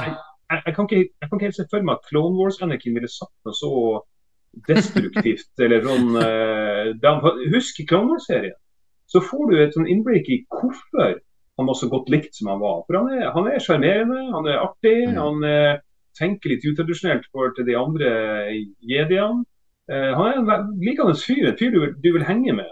Som, som dessverre han Heid- som dessverre han Heiden ikke fikk lov å, å, å, å, fremstille han som i episode 2 og 3. Men han, du, du skjønner litt mer om hvorfor folk som kjente han, uh, som du hører om i 4, 5 og 6, at de, Ja. de, de snakker såpass bra om han som han gjør. Ja. Og så får du jo også se for et fantastisk film. Der har jeg en liten teori, Hogne, som jeg vil gjerne dele Mhm. med dere. Eh, er det kanskje at denne Anakin vi så på Disney Pluss i dag, er en eh, eh, provokatør? altså Han prøver på en måte å tirre opp Azuka til å få henne til å bli så sint og irritert. Og når de da har sin siste kamp, og hun har mulighet til å drepe henne, og hun velger å ikke drepe henne, så får jeg inntrykk av at han sier noe sånt som I'm paraphrasing. Han sier hei, du, du besto testen. Du lot deg ikke bli tirra opp av mine usaklige kommentarer og mine ja, men så er det det at eh, fe ja.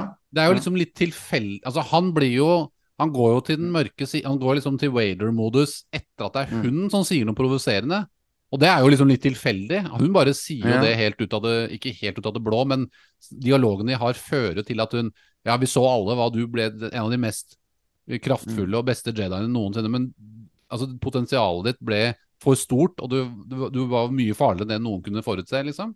Og, han, Mm. eh, og det er jo da han eh, snapper og plutselig går inn i waiter-modus og Ja. sparker henne inn tilbake i World Between Worlds. Det er litt sånn Ja. litt tilfeldig at det liksom havner der. Så hvis han hadde intensjon om at, han, at hun måtte møte hans mørke side for at hun skulle oppnå det målet om å bli god nok til å slå henne og komme i en situasjon hvor hun kunne hvor hun kunne la være, eller unnlate å drepe han, da, og, så bestå testen, så er det jo liksom litt mye tilfeldigheter inni der. Eller, eller hadde han gitt henne lov til å slippe ut av The World Between Worlds, selv om det ikke hadde skjedd? Liksom, for han blir jo tydelig provosert av Men jeg skjønner jo allikevel også at, det, at hun må møte begge hans sider eh, for å liksom eh, spille på altså både den mørke og den lyse siden for å komme, eh, for å kunne beseire det de er truet av nå i den historien vi følger i Asoka nå. Problemet er bare litt at det, Anakin nevner jo ingenting om Balen Skull, annet enn at det- Asoka nevner Balen Skull, så sier han du, so you remember. Men han nevner jo liksom ja, du må, for at du skal vinne denne kampen, eller bekjempe trusselen om Thrawn Altså Hvis han er en gud in the world between worlds, burde ikke han da vite noe om hva som skjer, liksom? I, eh, og det er liksom ingen Nei. Ja, det, det er litt There's sånn a lot of questions. det Ja. er, det, altså, det er det som er, Og der pirker du i akkurat det som er litt problemet, at det, den svarer på lite grann spørsmål, men denne episoden lager mer spørsmål enn det jeg trodde. Jeg trodde at den kom til å være en sånn derre ja. Litt, litt sånn wow. En Ja. katarsis-episode hvor bare alt renner, all juicen bare strømmer Ja. inni meg med en ny Star Wars. Ah, det var derfor! Men istedenfor så sitter jeg med masse spørsmål. I Det, tillegg det er veldig Men jeg håper jo at det, at dette her kommer tilbake og gir noe Ja. mer mening etter hvert. Relevanse for historien. Altså, og, ja. Hvis vi, hvis vi ser tilbake på Disneys historikk der, så vet jeg ikke om jeg er så veldig optimistisk på at de kommer til å forklare, klare ting. Det, og det er det som gjør meg ja, Ja, ja. Det er det som gjør meg litt pessimistisk. For at jeg, jeg tenker at de, de er veldig opptatt av å gå kjapt fra det ene til det andre. Og hennes Mm. transformasjon fra Asoka the Great til Gandalf the White er liksom ikke li, like episk som uh, Gandalf. Som Ringenes herre. Nei. Nei. Jeg, jeg, jeg, jeg syns det er artig å høre. for Det var det første jeg òg tenkte når hun plutselig sto der i nytt kostyme. Så må jeg litt tenke meg Gandalf her. Det er sånn uh... Ja, for dette, det, jeg jeg Ja. føler da, er det at det, Gandalf the White han dukket jo bare opp som en, en, mann, en ny versjon av Mm. seg selv i disse klærne. Mm. Men Mm. Asoka bare kom jo tilbake, og så hadde, han, Ja. hadde hun de klærne liggende. Det har jeg- også notert meg på noen notater. Hvor faen blir- uh, Nyvaska klær og hvorfor, har ikke, før? Ja. hvorfor har du ikke brukt de før? Det bare nå skal jeg bli Asoka the ah, jeg skal bli Asoka the White fordi at jeg har møtt Ja. Anakin, og han ga meg en litt sånn Ja, men altså, vi, vi, vi snakker om et univers her hvor uh, karakterene har de samme klærne på seg i, uansett. Altså, Ja. går jo i samme klærne hun hadde på seg i tre sesonger av Rebels, eller fire Rebels. liksom det- Veldig bra. ja, når de plutselig skifter klær, så blir det Hæ? Ja. Men, men, men det skal sies Ja. at hun, hun ser fantastisk ut i det hvite kostymet. Og jeg må si Å ja! Det var utrolig Ja. flott. Å ja. Fy ja, ja. fader, så bra det ser Og det er en, det er en Ja. scene hvor hun, eh, når hun våkner opp i skipet, hvor hun faktisk ikke har på seg den derre Ja. tiara-lignende saken. Nei, også notert meg det. Ja. Da, da er det, det er noe med lyset der, og, og de der lekkene hennes, altså de der, de der tentaklene Mm. som eh, ligger Ja. nedover der. Hvor hun, Mm. Det er bare noe med lyssekkene hvor, hvor alt Det ser så detaljert, og så Mm.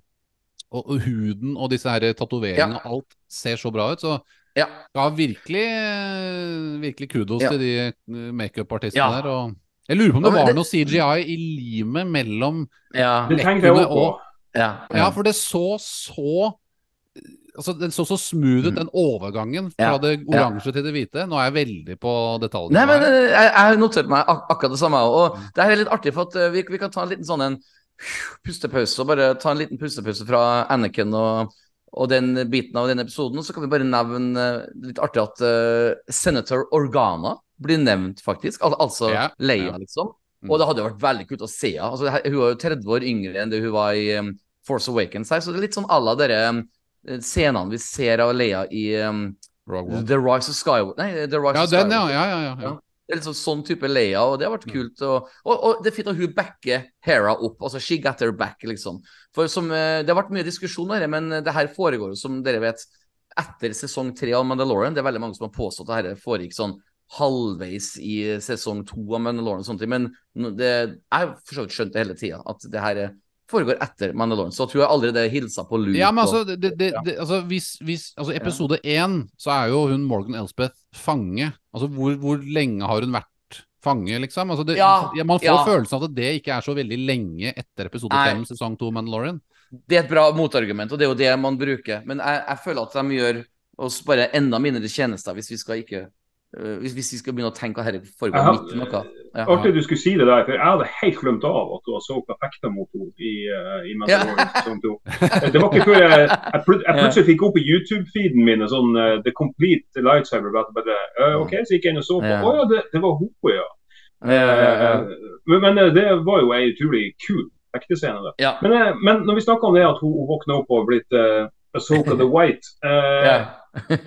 La dere merke til også at hun er i et helt annet humør etter å Ja, Plutselig yes, er hun den gamle Asoka igjen. Hun er, som hun er er sånn zen. litt- Ja, Ja, ja, og, ja. og, og plutselig så er det litt, det er litt liv i henne. Hun står ikke bare og stirrer tomt i lufta med armene i kors. Altså, hun er, hun er i Men La du merke Ja. til at hun unge, unge Asoka også tok eh, satte armene Yes! Jeg så det. jeg så det. Jeg, jeg kan ikke huske at det var noe sånn særtrekk for henne i den animerte serien, men, men, men det kan hende.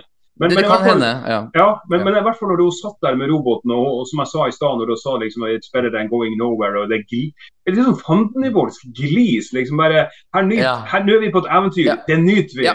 Ja. Eh, og da er tenker ikke jeg redd lenger. Ja. Nei, Mm. da tenker jeg her er jo denne Soka som jeg husker fra Clone Wars og fra Rebels, og Ja. som, som var litt sånn cocky og, og, og, og. Og, det- er jo det jeg Ja. syns har mangla totalt i de karakterene, fra det animerte til, Ja. til de skuespillere. Og, eh, Og dette, og, altså, jeg, jeg, er, jeg er storfan av skuespilleren som spiller O'Hara. Jeg har jo sett henne i mange TV-serier, hun er helt strålende. Strålende. Men- Strålende. Men, Ja. men, men i denne rollen her, det, det, det er bare sånn herregud, ah, Altså- jeg har sett ko- jeg har sett cosplayere som ser bedre ut. Ja, altså, altså Ja. Hogne, jeg må, jeg må bare få, jeg får litt blod på tanna, men i hver eneste episode så langt i denne podkasten hvor vi snakker om Asoka-serien, så må jeg ha et lite sånn eh, Å bryte ut eh, og kjefte på hvor lite energi karakteren Hera har. For hun er jo den mest livlige karakteren i Star Wars Rebels. Ja. Og her er det bare ingenting. Eh, når det er sagt, da, det var faktisk én setning, eller en dialog Hera hadde i dag som jeg lo veldig godt av, og det er jo når Hera plutselig sier People don't just vanish through thin air. Og så hører han droiden Hu- Huyang sier Well, normally, no, they don't. Og da tenker jeg kanskje han refererer til Kenobi. Gamle Kenobi som uh, forsvant i Og det er jo en terning av 60-replikk bare der, liksom. For at uh, Ja, ja. Han, kan, han, han kan jo all jedi-historikk, ikke sant. Så well, normally, no, they don't. Så det var litt sånn Jeg, jeg tenker at det var litt artig. Men eh, Jeg liker det. men- men- Huang, men- Huang er fin, for han er så, Ja. jævlig, han er så ærlig. ja. Han er dønn ærlig. Han vil, Du, vil Ja. og når Jason spør om han kan lage ly, trene lyset, så, så sier han bare Mm. no. Nei. Og, og, og det er litt artig. Sorry, Hogne. Vær så god. ja, Når du refererer til den samtalen mellom Mohera og, og roboten det, det, var no, det var en replikk mellom dem som fikk meg til å tenke at O'Hara vet ikke hvem han Anakin ble. For Nei. hun spør, hun spør om, eh, om, om masteren Ja. til, til Asoka. Ja. Hvordan Ja. var han? Ja. Og så svarer han tilbake formidable eller et eller annet sånt. eh, Nei, han eller in- noe sånn intense. eh, Intens, ja, det er sånne ting. Ja, Ja, ja. ja, ja. Og da, da liksom bare sånn Og han var litt sånn forsiktig i svaret sitt. Da tenker jeg jøss, kanskje ikke hun vet hvem Anakin ble. Ja, uh, det, Ja. virker ikke som at O'Hara visste det. Det, det derimot Hera Unnskyld at jeg avbryter, Knut. Det eneste He- Hera virkelig vet, er jo at det er mye som skjer nå med Throne og du vet, stjeling av, eh, av eh, Empire-utstyr. For hun sier jo den tragiske settinga her Oh, maybe I'm just chasing ghosts. Jeg bare, Kom igjen, du vet jo at det skjer noe nå med det nye imperiet. Og det, det er sånn eh, Altså, det- det er- ja. Det er, altså, ja, The New Republic Ja. har blitt fremstilt som veldig eh, slappe i denne scenen. Men ja, ja. og, og, det det er én ting å arrestere meg hvis jeg, det er noe jeg ikke har fått med her, men når de spør Huang hva som har skjedd der Jeg vet at han ikke var til stede når de faktisk skrudde på hyperdriven og stakk av i forrige episode, men han vet jo at det var en hyperspace ring der. Han, og han ser jo at den er borte. Hvorfor, hvorfor forteller ikke han det til de andre? For de lurer på hva som har, hva har skjedd. Han, han sier jo ingenting. Det er et godt spørsmål. Det tenkte jeg ikke på. Det er veld, veldig, veldig underlig. Og så prøver han å skjule det for, fordi han ikke vil at The New Republic skal vite om det, men det vil jo være helt meningsløst, for de vil jo ha ressursene til The New Republic for å bekjempe dette Imperial Remnant som de påstår eksisterer, da, som jo faktisk eksisterer, og potensielt da Men, men eh, det er litt artig du sier det, det, det om at uh, New Republic ikke blir stilt i et sånt særlig Ja. godt lys i denne serien her. Men Mm. altså, himmel og hav i, i, i Andor-serien så blir jo The New Republic omtrent fremstilt som nazister. Altså, det er jo, eh, det er jo det, Det er det er sant.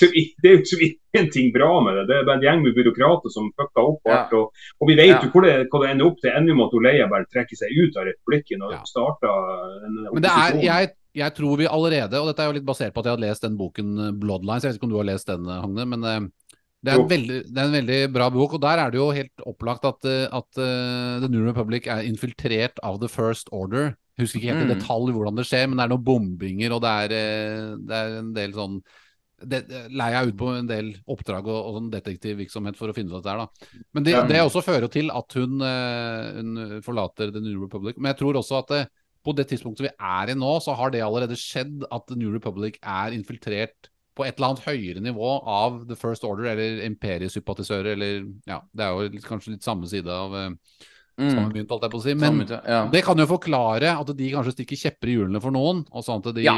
Men det er Det, klart, det er sant. nå strekker jo jeg selvfølgelig etter forklaringer på å gjøre denne serien smartere enn Ja, ja, men, ja, men det. Men det, det er, in, det innafor det du sier, Knut. Eh, jeg kan jo bare si en ting til Hogne. Hogne nevnte jo tidligere i denne podkasten at du har lest Dark Horse Comics eh, eh, tegneserie av um, Star Wars, og det har jeg òg. Det er jo faktisk det jeg har kanskje mest kjennskap til ved siden av filmene og sånn, er Dark Horse Comics. Og min favorittkarakter av disse nye karakterene i Dark Horse Comics var Quinlan Voss. Jeg vet ikke om du husker på han, men det svarte dreadsen. Og Ja. han var jo den første ED-ridderen som kunne ta på et objekt og finne ut hva som hadde skjedd. Og det er jo en ny type Jedi Force vi ikke har sett så mye av før, og den ble gjort nå. Eh, jeg tror kanskje han Cal Kestis eh, han i dataspillet også hadde samme Yes, ja, ja, ja, absolutt. Ja, ja. Definitivt. Ja, og nå også Asoka. Og så har jo også Queen of Us blitt nevnt i Obi-Wan-serien. Ikke bare det, men Quinlan Voss var jo med i flere episoder i Clone Wars. Så han, han, er, jo, han er- jo canon. Så, Han er jo canon. Definitivt. Han er jo Ja. definitivt med i uh, Dark Disciple, en annen bok som jeg har lest. En, Ja, lest, En ganske fin bok, og den, eh, det, han, eh, Mm, han er vel egentlig ikke redegjort for hva hans skjebne har blitt. Han er en sånn løs tråd. Jeg håper han kommer. Det... Jeg, jeg trodde jo han skulle dukke opp i Obi-Wan Kenobi når de gjorde en navnereferanse. Ja, Quinlan men- was here. Så de, de, de, liksom, ja. de har dryppet noe Ja. hint at han, at han er ute der. Altså han, han må vi få møte snart, ellers så fyker jo Petter opp i den der lilla Ja, ja, ja det, det, er jo, det er jo min absolutt sånn Extended Universe-favorittkarakter. Jeg har til og med skrevet en låt inspirert av bare hans vesen, for han er jo på en måte enda mer conflicted, kan du si, enn det Anakin var på mange måter. Altså, Men det, det Ja. Altså, det han går inn i i Dark Disciple, er jo veldig mørkt. Det skjer Ja. veldig mye mørke ting med. Altså, det går veldig langt, egentlig. Mye lenger enn Altså, det er veldig på mange måter veldig likt Anakin Skywalker, da, men satt i en annen Ja. kontekst. Og liksom, Ja. like Litt sånn hjernevasking og spionjobbing og ja, han, sånn blir han blir jo torturert av Doku i lang tid, og, Ja. han spiller et sånn dobbeltspill, men du vet aldri helt ja, hva er han og hva er han ikke. Og, så det er, Mm. det er en Eh, veldig fin bok. Eh, apropos eh, nerdeting, så har jeg en ordentlig nerdeting her. Og arrester meg hvis jeg tar feil, men eh, det her handler om disse hvalene. Altså, hvalene er tilbake. For meg helt umulig å hate. Jeg elsker det Kjempebra. visuelle aspektet med det. Eh, det er en artig måte Asoka blir med en av dem. Altså, du vet sånn, hun går inn i munnen, altså Pinocchio-style, liksom. Eh, men her er min fun fact. Eh, de blir kalt for whales. Ja. Og det er første gangen, for de har alltid blitt kalt for purgles før. Det er første gangen Nei. får navnet Huang sier Star Whales i forrige episode. Ah, Stories tell of. Spa, Star, on the Jedi Academy, nå parafraserer jeg, da, men on the Jedi Ah. Academy they were told about Star Whales, bla, bla, bla. Ah, de har stemmer. sagt det før. De har sagt whales. Ok, ja, men det at, Det er jo, det var- det er jo litt brudd med, med George Lucas. Han, han ville jo ikke ha noe som helst eh, som var jordiske dyr eller uttrykk eller sånne ting. Og, Hogne skjønte hva jeg skulle fram til. Ja. Ja, ja. eh, og, og, men hvis man leser eh, romanutgaven av A New Hope, så sier jo han, eh, bruker jo han eh, Obi-Wan Kenobi ordet duck. Og, og så tenker han Luke, før de tar av fra Tatooine i Millennium Falcon, så sier han 'what's a duck'? Ja. uh, uh, så det, det er eneste andre Det er den eneste andre gangen jeg kan huske det. At det men bortsett fra at han, uh, han Solo sier den 'see you in hell'. Og tenker jeg, uh, Ja. sånn, Det er sant. Har, de har helvete i Star Wars Ja. også. Og- liksom, Og for, og for å dra den enda lenger, og her, her eh, kan dere arrestere meg på, men eh, når jeg så Phantom Menace for første gang på kino i 1999, så fryser jo eh, en lille Anakin, og da sier Padme Yeah, space is cold. Og jeg bare Space! De har aldri sagt ordet space før i eh, Star Wars. I Jedi Survivor så, så møter du jo noen sånne eh, så dyr. Der er det flere faktisk dyr du møter som er Og den sjiraffen den har et navn, jeg husker ikke helt et tall, men det er sånn De bare bytter ut forbokstaven, liksom. Biraff Ja. eller Niraff. ja, ja, ja, men det er innafor. og det, det gjør de faktisk innimellom. Det har de gjort både med, med egennavn på karakterer, Mm. altså aliens, og, men også på dyr. da. Eh, Ja. kan, eh, både i spillene, men jeg mener å huske at det er noen andre i serien også. Så det er, de, de, Ja. det er noen ganger jeg føler at, de, at kreativiteten er steiler litt når de, når de ikke klarer å komme Når de liksom bytter ut Mm. Istedenfor Fox, så er det Nox, liksom. Altså, det, det Ja, ja, ja. ja. ja men det er artig. Eh, vi har jo også tilbakebesøk si, av han X-Wing-piloten som var med i Mandalorian. Han liker jeg veldig godt. Carson. Jeg, Jeg, jeg er en Carson-fan. Og jeg, er også Carson-fan, og jeg, jeg, jeg svetta nesten litt da jeg så episoden jeg har fått um, når han da er i dialog med The New Republic, og så ser det ut som han skal svare på en sånn en klassisk Star Wars-setning som vi har hørt flere ganger før, men han klarer akkurat å svare på sin egen måte. Da blir jeg letta for alt må ikke være copy-paste, alt må ikke være poesi, liksom. Så jeg, jeg syns det var um, veldig, veldig eh, godkjent. Men her har jeg da uh, mitt største spørsmål. Um, The lesson altså Vi snakka om det helt i starten av podkasten. egentlig. Hva er det egentlig vi har lært, eller hva er det Asoka har lært av hele denne um, Anakin-dialogen? Altså, er, You don't have to kill anymore? Er, er det så enkelt som det? Det eneste jeg fikk ut av det. Jeg tolket det som at hun Altså, du, du må slåss. Tolket jeg det som. Du må, du må Ja. få ut aggresjonen og du må, du, må, du må hente ut det beste fra the dark side of the force og fra the light side of the force for å kunne bekjempe fienden. Fordi at Anakin er den eneste som skjønner det, fordi han er liksom en mester i begge deler. Han mestrer både the dark side og the light side. Men det er ikke Ja. Det er jo jeg som leser en del, og kanskje leser mellom linjene i, i, i dette litt eh, noe grunne manuset. Sånn ja, at eh, ja, ikke sant? Skjønner du hva jeg mener? Men det kan godt hende at det er intensjonen deres, men kanskje ikke. Så det, det, det, det, det burde vært forklart på en, på en litt, eh, litt bedre måte. Altså en litt dypere måte. Jeg, tenk, jeg tenker jeg, jeg, tenkte litt sånn òg, men så tenkte jeg at nei, jeg, får ikke til å stemme overens med hva, hva, hva som skjer i denne episoden. og sånne ting. Så til slutt så tenkte jeg bare OK, egentlig så døde hun. Eh, men hun kom tilbake til livet på, med å bli berga og sånne ting. Og Kanskje Mm. det i seg sjøl var noe OK, jeg har fått en sjanse til. Eh, Ja. Kanskje det, det gjør altså, Folk som går igjennom sånn, forandrer ve Ja. veldig ofte personlighet. Eh, Ja. Det, vet, Ja. vet jeg av, av personlighet. Ikke at jeg har gjort det, men, men venner av meg har gjort det. Blir, Mm, blir, mm. en helt annen person å forholde seg til i ettertid. Mens her er det liksom mer at den her kynismen kanskje hun har bygd opp gjennom alle årene med å se det som har foregått i galaksen. Og plutselig, hun, som jeg nevnte i stad, hun er tilbake der hun, hun var sist vi så henne. Liksom, litt, Ja. mer, eh, litt mer glad og, og, og Ja. litt sånn fandenivoldsk. Det kan jo hende at det ikke er noe mer komplisert enn som så. Nei, At de bare tværa ut episoden litt. Det, Ja. Det Det klart, hun, hun, vil- hun vil jo mykne opp som person etter at hun har møtt Anakin igjen, selvfølgelig, og, og, og sett hans For at det, det siste minnet hun har av Anakin, er jo når hun møter Darth Vader i sesong to uh, av Rebels. ikke sant? For de som ikke har sett Rebels, de møtes jo i en duell, og så blir Asoka borte. Og, er, så, Ja. siden, og så dukker hun opp egentlig ikke før ja, hva blir det? Det blir jo etter Return of the Jedi, da. For det, vi, vet jo, altså, vi vet jo bare ikke hva som har skjedd, hva hun holdt på med i originaltrilogien. Det vet jo ingenting om, da.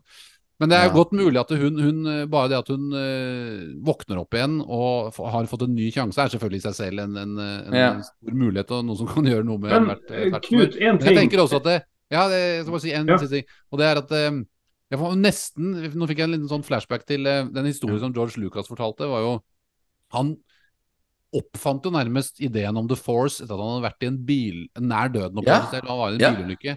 Det er nesten Riktig. så denne episoden her var en liten omasj til det. Eh, nærmest at hun Oh. gjenoppdaget The Force, og, Ja. og hva det vil si, da. ja. Um, Gjennom et grunt manus. Ja, eh, det, det, det, det jeg tenkte på eh, sist gang, Vi, vi snakka om sist gang vi så Asoka. Hvis dere husker det som Clone Wars eh, slutta med, sesong sju. Det er jo Ja. Darth Vader eh, Ja. er på den snødekte marka. Og så Ja. må du merke, merke til en ting. Han ser den her fuglen. Ja. Mm. Og, ja. fugl- ja, og den, den har fulgt Asoka hele veien. Og den, den var også den som leda hun inn eh, eh, Unnskyld, leda han Ezra inn i The World. Between Worlds opprinnelig. Ja. Den var helt fraværende i denne episoden. Fullstendig fraværende. Er også det er, det. og det er veldig rart. Altså Det virker som de Er det for å ikke liksom eh, forvirre folk som ikke har sett Rebels og Clone Wars? Eller Ja, er det, that's too late. Ja, det, ja, Ja, det, det, det, det, det var exactly my point. Ikke sant? Så det er det som er litt Men det mange ikke veit, er jo at nettopp denne Mortis-arken, så dør jo Asoka. Hun har jo dødd egentlig en gang før i den arken, og da velger jo dat datteren, altså det hun som kaller seg datteren, og der bor det jo en, en, en light side-datter, en dark side brother, eller eh, ja, eh, sønn, og så er det en far som er på en måte balansen. da.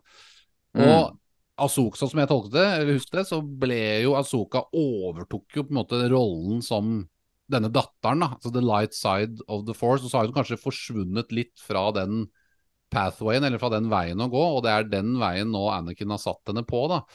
Eh, så det, Ja. men, men det er det jo ingen som skjønner, som ikke har sett, sett. Nei. Men for de som hører meg si det nå, så nå håper jeg Ja, ikke fem er litt mer forståelig.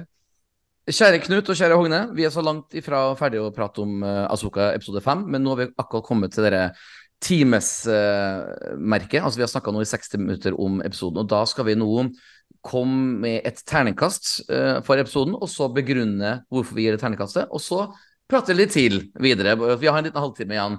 Så jeg kan gå først, og så kan Hogne være sist siden han er gjest. Så at um, Hogne Nei, unnskyld, Petter, Knut og Hogne. Men jeg kan starte uh, med å bare si enkelt og greit at jeg hadde um, altfor store forventninger til denne episoden. Uh, og det kan jeg egentlig skylde meg sjøl for. Altså, men på en måte ikke, for at Lucasfilm laga jo årets uh, cliffhanger i episode fire. Ved å Ja. putte liksom episode fem på alle på kinoer. Og da blir hypen enda sterkere. Og, men altså, for all del, det, det, var, det, ble, det ble mange ting som ble levert her. Altså, som sagt, Space Whales, fucking love it. Eh, mye, mye ro og litt stress i flere scener. Eh, altså, jeg, jeg, jeg godkjente det. Litt for mye artsy-fartsy Star Wars uten dybde. Altså, hvis det blir bare eye candy, det, det er ikke nok for meg, dessverre. Eh, litt sånn oppgulp av ting vi allerede har sett i Clone Wars og, Rebels. Det, det, det blir ikke min type Star Wars. Men det er mer enn godkjent.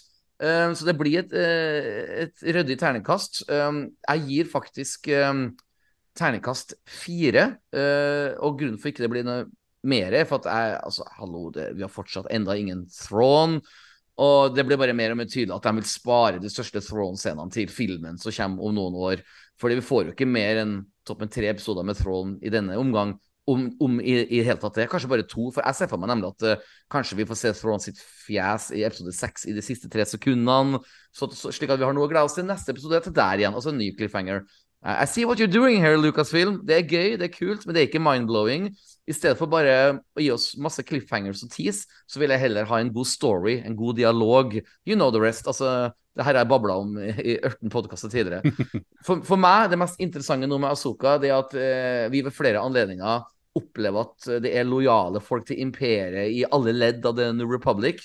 Det er en story som virkelig fascinerer meg, som jeg gjerne vil se mer av. Der er mye bra story man kan bygge rundt.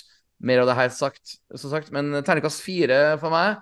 Uh, jeg vet at veldig mange vil sikkert gi en terningkast seks, og det skal de få lov til. Men Knut, vær så god, hva Ja, tenker det, du? Ja.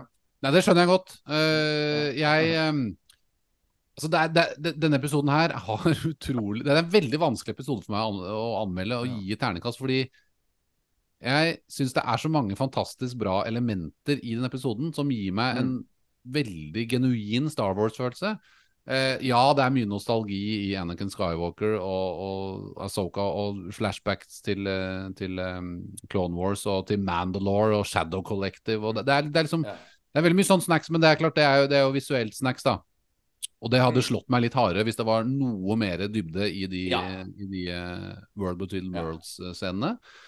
Uh, men Space Whalesene Asoka klatrer opp på skipet, de flyr inn i kjeften på en Space Whale. Den siste scenen hvor de reiser av gårde uh, med hypers, eh, i hyperspeed med å liksom Tentakelen går til siden, og du ser det begynner å flashe blått, liksom. Ja. De, de, sånne type, sånne, det, det konseptet der er fantastisk å se på. Og det er også Mm.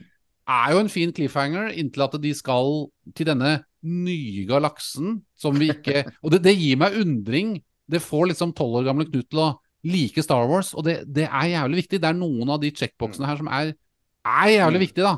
eh, Som Ja. jeg syns Asoka gjør bra. Men så er det, den er tynget ned av litt for mange scener som går for sakte. Mm. Jeg liker at det er et men når, altså når ting går sakte, så må det også noen ganger ha noe viktig å fortelle, enten dialogmessig eller visuelt, Mm. eller noe som gir deg mening, da. Hvis jeg skal spille Ja. noe Nå kommer det nok en musikkanalogi her, men hvis jeg skal Mm. spille noe veldig lavmælt, så betyr det ikke at det skal være dårlig eller lite intensitet eller lite innhold i det. hvis du skjønner hva jeg mener. Det kan Mm, godt koke på lav temperatur, hvis du skjønner hva jeg mener. Og jeg Ja, føler ikke alltid at det gjør det. Eh, sånn at det, det trekker litt ned. Men jeg syns jo Aso, altså Rosario Dawson gjør en bra figur. Hun er jo noe safe foreløpig, men jeg, hennes eh, liksom, visuelle stil, hennes appearance, er, er veldig bra. Og hennes måte å altså koreografien, måten hun takler koreografien på, er Mm. meget bra. Og så syns jeg altså Hayden Christensen synes jeg leverer utrolig bra i denne episoden. Altså, jeg, det, Ja. Og det sier jeg ikke bare fordi at han eh, liksom fortjener glans og oppmerksomhet etter liksom litt hard medfart etter prequelen. Jeg mener det virkelig genuint. Og, det mener jeg ikke bare på måten han leverer replikkene, jeg mener på kvikkheten i hvordan han uh, bruker lyssabelen, hvordan han, han håndterer koreografien mellom han og Asoka, som er ganske for så vidt klassisk Star Wars-koreografi. Det er ikke sånn uh, overdådig prequel-koreografi, men litt mer eh, original trilogi-koreografi, egentlig, som er, som er for så vidt greit nok. Og musikken er veldig, veldig bra. Altså, ja.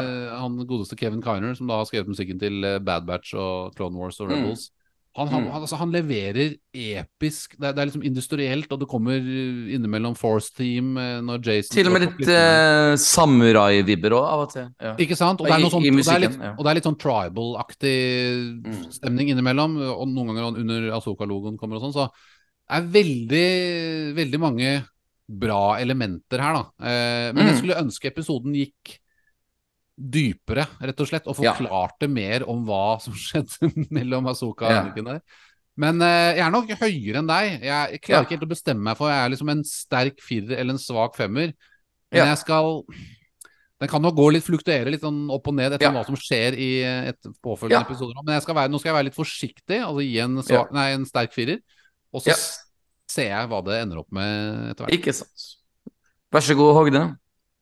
Ja, nei, eh, jeg er veldig enig med Knut at det visuelle er veldig fint i denne serien, i denne episoden her. Um, Mm.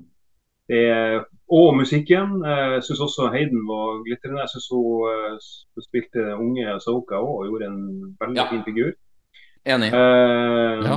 og, eh, og, så, og, og som jeg sa tidligere i episoden, og som Knut var inne på, den eh, de sluttscenen, de siste minuttene med Space Whales og Ja. det her eh, Yes, nå skal vi ut på eventyr! Ja! Og, Ja. og det var, det var Da hadde jeg rett og slett gåsehud. Eh, Lucasfilm kan cliffhangers. Ja, det, Ja, men det, det, skal, det skal de ha, for det, de, de har ikke alltid fått til cliff, cliffhanger. For eksempel. Mandalorian sesong tre og sånn har ikke vært litt sånn Altså, Nei. du vil ha noen cliffhangers i en TV-serie. Det er, det er tross alt Mm. TV-serier vi snakker om her, og ikke Ja. filmer. Nei, men uh, som sagt, jeg skjønte ikke poenget med hennes tur inn i uh, The World Between Worlds. Jeg, jeg skjønte ikke hva de jeg, jeg skjønte egentlig ikke hva jeg så fikk ut av det, annet enn at hun hadde gjort en liten sånn personlighetsforvandling når hun kom ut. Eller gått tilbake sånn som jeg husker henne fra den animerte serien. Så eh, jeg landa på en treer. Ja. Jeg syns det er helt innafor. En treer, firer og en uh, nesten svak femmer. Ja. Ja, Men altså- er, vi, vi, er, vi er litt fra hverandre, men eh, jeg ser alle argumentene her, og eh, Ja, altså, jeg, jeg skal ikke bli for dyp her, Hogne, men altså de, Dere med eh, Altså, Disney, de har jo bomma like mye som de har truffet Eller det kan jo diskuteres, men altså, jeg tenker de er, de er som stormtroopers. Ja, altså, bare, altså La meg bare komme med eksempler hva jeg personlig mener. Altså, de bomma på en, en god del på sequel-trilogien, spesielt episode 9, så klart. Eh, De bomma på Obi-Wan Kenobi-serien. Bomma big time på Bobafett-serien. Men de har også gjort en del rett. Mandalorian sesong 1 og 2, ikke 3, men 1 og 2, syns jeg er kjempeartig og spennende. Altså, bare introduksjonen av Baby Yoda Jeg var solgt. Uh, Andor som sagt, er helt fantastisk. Jeg til og med digger Star Wars Visions. Det bare sier kanskje litt om hvordan personen er. Jeg liker liksom uh, at Star Wars kan gå i slike retninger også. Um, men her er poenget mitt, da. At eh, etter nøye kalkulasjoner så er Nesten sånn politisk spill igjen. Altså at hvis Asuka-serien er bra, eller hvis det ender opp med å være bra denne sesongen med Asuka, så er det, er, leder de bra seriene over de dårlige seriene. Bare just by an itch. Men akkurat nå så eh, Eller jo, jeg tror eh, jeg, Når disse siste tre episodene som kommer nå, disse siste, neste tre ukene kommer, så jeg tviler på at jeg kommer til å ramle ned på noe lavere enn fire. Og det er jo, fire er jo godkjent, så da vil jo på en måte Asuka for meg være en godkjent episode, men bare nesten! Du, du skjønner ikke Ja. hva jeg mener, Hogne? Det Nei, er men sånn, altså, det er ja. sånn, ja, Men, eh, men uh, jeg, vil, jeg vil bare påpeke noe du har glemt å ta med. Det. Ja. Det er de glitrende animerte seriene. Eh, Ja, beklager. Jeg, jeg skulle Beklager. å si det. Ja, Ja. ja. Rebels. Rebels var kjempebra, og de Ja. to sesongene som de har Ja. av The Bad Batch, var jo helt eh, Ja! glitrende. Ja, jeg og Knut har kosa oss. Ja. Ja, så, det. ja, det, var, det var et par bommerter. Sånn som den episoden Ja. hvor de starta den gigantiske roboten som går rundt og skøyt med laserøyne. Ja, ja, ja. Det- det- på den der Ja. Horizon Zero Dawn-episoden, kaller jeg den. Ja, Ja, men, men, eh, men, hun, men, men, men sønnen min, for eksempel, som, som er 23, han, han sa Ja. til meg at han syntes TV-Star Wars nå var mye mye bedre enn film-Star Wars. Da tok han med, og da tok han med alle filmene, alle ni film. Han syntes ja. det var, og han, han er jo vokst opp med prequels. Eh, Ja. Så han, han syntes TV-Star Wars var, var bedre da. Og Ja. vi, så, vi så den uh, Bad Batch-serien han var her nå i sommer, og han likte det kjempegodt. Ja. Uh, og som han sa, liksom, skulle, skulle ønske de Disney-filmene hadde vært like bra. Og det, for det, det er, og, og, og sammen med Clone Wars sesong 7 som Disney lagde. altså det er jo det var jo jeg sier jo det, det var jo ikke en animert serie for unger i det hele tatt. Det var jo masse høytflyvende konsepter og skikkelig eh, skummelt og mørkt. Og det var jo egentlig mye av den her Bad Batch-serien også. altså En av hovedkarakterene, eh, ja, spoiler alert, dør. Ja, ja. Så Ja. det er sånn det er jo, det er jo, det er jo rene Sopranos-oppførsel, eller Game Ja. of Thrones-oppførsel, at hovedpersonen plutselig bare Oi, der forsvant dem igjen. ja. Jeg kan, jeg kan dele med dere to en uh, unnskyld, Knut, en kjapp eh, historie fra meg. En, en liten artig trivia som dere kanskje ikke kjenner til. og Det er at når eh, Star Wars Rebels, den CV-serien, når den på en måte hadde de første møtene, altså storyboard-møter, altså nærmest konferansemøter, hvordan skal vi lage, altså la oss skape Star Wars Rebels, da leide de inn en eh, Hollywood-veteran som heter for Simon Kinberg. Han eh, har hadde regi på noen dårlige X-Men-filmer og slike ting. Dark Phoenix. Det er helt riktig. Men Simon Kinberg, det var han som eh, insisterte første dag, altså når de skulle skrive Star Wars Rebels, om å få tilbake dere essensen av en sånn en em, crew. Altså du vet Luke, Leia, Yes. Han, Chewie, R2, 3PO. Og, og der besto han jo eh, Altså Det er jo terningkast seks i Star Wars Rebels, hvor du føler at du heier på en crew. Og det er jo en slags omasj til A New Hope, Empire, uh, Return Jedi. For hvis dere ser på episode 7, 8 og 9 det er jo ingen crew. Du heier ikke på noe Ray og Nei. Finn. Og altså, Poe og, og Ray hilser på hverandre i det siste sekundet i den andre filmen i en trilogi. altså, skjønner jeg det, Og skal vi bare forvente at de har blitt venner når episode 9 starter? Så, så Simon Kinberg eh, har forstått essensen og på en måte ble redninga av Star Wars Rebels. Jeg føler at veldig mange gir Filoni for mye kred der, men det er faktisk Filoni var med på denne, disse møtene, men Simon Kinberg var han som insisterte på at det skal være et crew. Og det er jo derfor vi liker Rebels. Er du ikke enig, Hogne?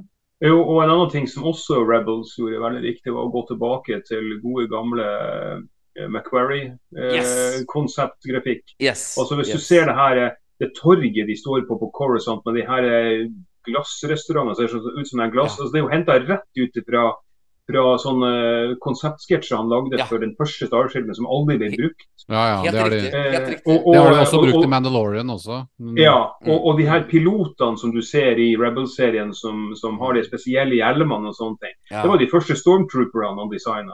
Stemmer det. Som hadde ja, ja. lasersverd, Ja. jeg husker jeg. på Ja, ja. Så, så, så, så det de, Der syns jeg de gjorde det riktig med å, å, å dra frem litt nostalgi og gå, Ja. gå litt uh, Men er dere fan av at Reb Det er én ting Rebels som er litt sånn Det er mulig det er litt sånn OCD-greie hos meg, men de, er, de har valgt å gå for en mye sånn tynnere lyssabelstil i Rebels enn i Clone Ja. Wars. Det hadde jeg glemt når jeg så Rebels på nytt nå. Jeg syns, Ja, jeg de har det. syns, Ja. syns det er litt, uh, litt, et litt merkelig valg. Hva er grunnen til at de har gjort det? ja, det, det er det ene jeg ikke liker med Rebels. Det, det, det, er også, det det. Og det andre jeg ikke likte med Rebels, det var bare også Greit nok at stormtrooperne var inkompetente i, i filmene, men i deler av Rebels-serien så er det liksom bare Å, vær så snill. Øh, jeg, må de er bryte de er jo, bare, Eh, anim, de er jo bare animerte. Da er det jo i Ja, hvert ja. fall Nei, men, nei, men altså, Hogne, du, du, you just stole my line. For spesielt i sesong én av Rebels, Ja. så er de så dum at du nesten syns Du vil ikke at de skal bli skutt engang. For du, du, de, de er jo bare Bill and Ted, Excellent Adventures Stormtroopers. De ser på en kul ting, og så sier han ene Oh, I think that looks a little cool. Pjong, de skutt. Altså, du, du, de er jo ikke onde engang. Det er jo bare, det er jo bare teenage uh, stoners. Altså, det, det er jo det, det, Men jeg syns ja, ja. i, først, i første, er siste episoden i første sesongen av Mandalorian. Når de har de her to uh, imperiesoldatene som står og passer på uh, De scout-trooperne, ja. ja, ja. ja. Og, og når de skal liksom skyte den her uh, Ja. boksen eller Ja. sånn som ligger på bakken, og bommer hele tida. Fucking perfect. Ja, det, det, det var morsomt. Det, Kjempebra. det, det, var, det, var, det, vi, vi har snakka om det før. Vi, vi ga den en Ja. terningkast seks bare pga. den episoden. For at det, det var så utrolig. Men der er nok en gang Dave Filoni som har kommet inn og insert på litt sånn eh, outside influence. Altså, du vet sånn, vi må ikke glemme essensen av det her. Eh, og det, altså, altså, det er um, spot on perfekt eksempel på hvordan man kan gjøre Stormtroopers riktig på en morsom måte. Så veldig, veldig bra sagt, altså. Det var jo Taika Um, som hadde den, eh, den, eh, Ja. den episoden der. Så det, det er, den, hele den åpningssekvensen her er Ja. det, det har liksom hans stempel over hele scenen. der. Og, og om jeg ikke tar helt feil, så tror jeg en av de Stormtrooper-stemmene er Kevin Smith, faktisk. Så da gjør det, Ja, ja, det enda artigere, liksom. Så, Og så må jeg også skyte ned at når vi har snakket om Rebels og, og Clone Wars, så det er jo en av grunnene til at jeg også liker Bad Batch også godt. Jeg liker for så vidt både Clone Wars og Rebels og, og, og Mm. Bad Batch. Men Mm. Bad Batch har liksom litt DNA til begge to? For du har et crew Ja. du følger i Bad Batch. Men ja, du har også et veldig da, de, de direkte etterdønningene og konsekvensene av, av hele attack, altså, eh, The Clone Ja. Wars og Revenge of the Sith Ja. da, og Imperiets eh, takeover, liksom. Så du Mm, får liksom litt, mm. litt av begge deler, da. For du har jo en del av klonehistorien, og de møter jo Rex igjen, og det er, det er eh, mye, mye som pågår. De skal jo få sånne pensjonistavtaler og sånn, og folk som kjemper for dem. Det Gre Greta Thunberg dukker opp uti Ja, blå, ja, ja, blå ja, ja. Greta Thunberg. Så, så, så Bad Batch også har nok Der tror jeg Dave Filoni som For jeg, tror, jeg vet ikke om Kinberg Ja. var involvert i Bad Batch, men Jeg, jeg tror ikke det. Det var bare Star Wars Rebels. tror de tok litt sånn- lærdom da av å liksom prøve å mikse det litt sammen. da Ja, Star Wars Rebels var jo egentlig det aller første som kom ut av uh, Disney Star Wars. Vet du. Det er mange som har glemt Ja, ja, at det var liksom det første som kom ut etter 2012, når uh, Disney tok over uh, Star Wars, eller Lucasfilm. da. Jeg har et spørsmål til deg, Hogne, som for øvrig kunne du også skal få lov til å svare på. Tre episoder igjen. Eh, hva tror du vil skje videre? Altså, når kommer Throne og det, de, de, altså, Nå snakker jeg i, et ledende spørsmål, men eh, Throne kommer jo til å mest sannsynlig eh, vinne litt i de neste to-tre episodene, for jo, de sparer jo sikkert klimaks til filmen. Eh, eller hva tenker du, Hogne? Hva- hva vil skje nå de, tre neste onsdagene? Ja, nei, altså De drar jo til en annen galakse, da, så det hadde vært Ja. utrolig kult om de dukka opp på Karl Johan og gikk på Mækkern. Eh, sånn. Eh, nei, eh, jeg, ja, jeg tror nok du har rett. At, eh, at det blir eh, at, at uh, Ahsoka og, og treffer treff dem igjen. At de kommer til Ja. det eh, punktet hvor de er.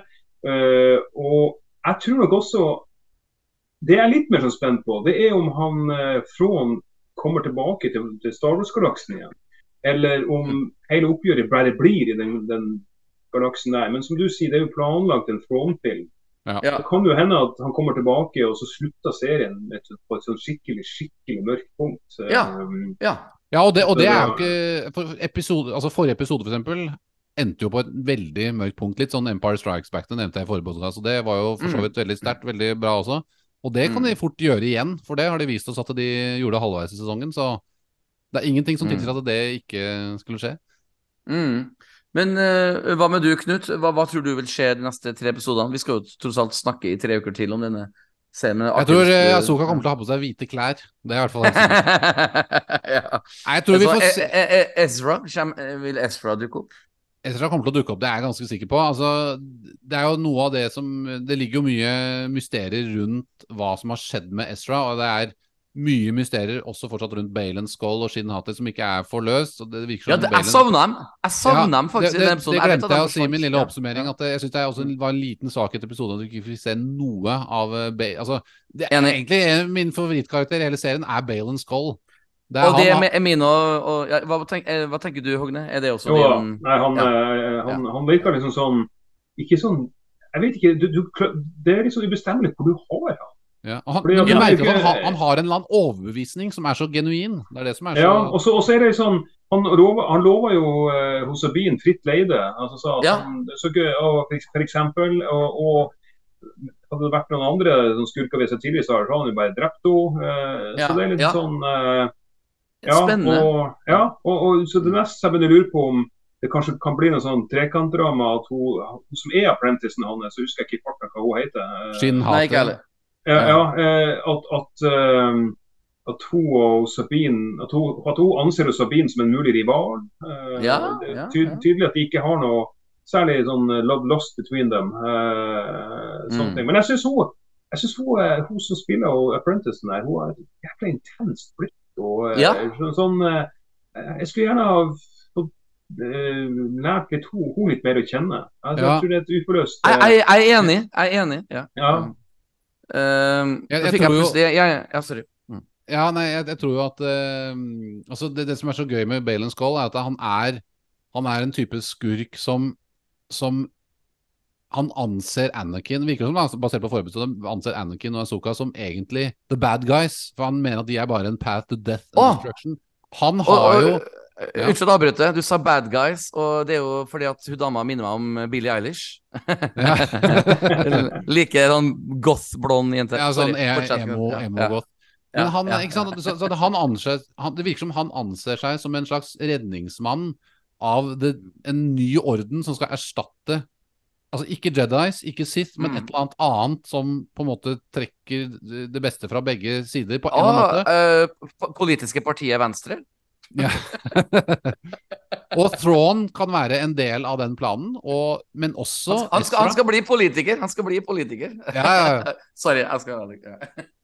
Og så tror jeg at navna til han og Shin og Hati, da, at de heter Skål og Hati, at det er disse norrøne ulvene fortsatt har noe med The World Between Worlds, eller så er det bare Dave Filoni som har hard-ons for ulver, for det har han jo. Han, han Ja. heter jo til og med Trapper Wolf, den karakteren han Ja. spiller i universet. Så, det.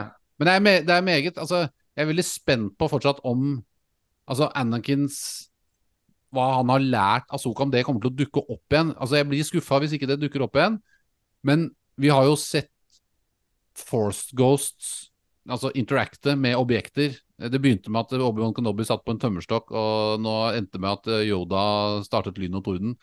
Eh, nå er jo Anakin en force-gud, så hvem andre enn han er det som kan på en måte interacte med en eller annen fysisk verden? da?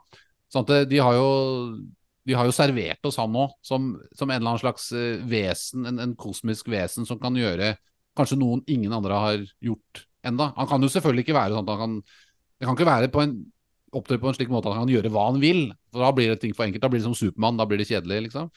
Eh, men, eh, men at han kan komme tilbake og, og gjøre et eller annet at Jeg hadde en sånn vill teori om at Balen Skull Det er selvfølgelig det en veldig liten sjanse for at dette er sant, men at Balen Skull og Shin Hati faktisk er Loth-ulver.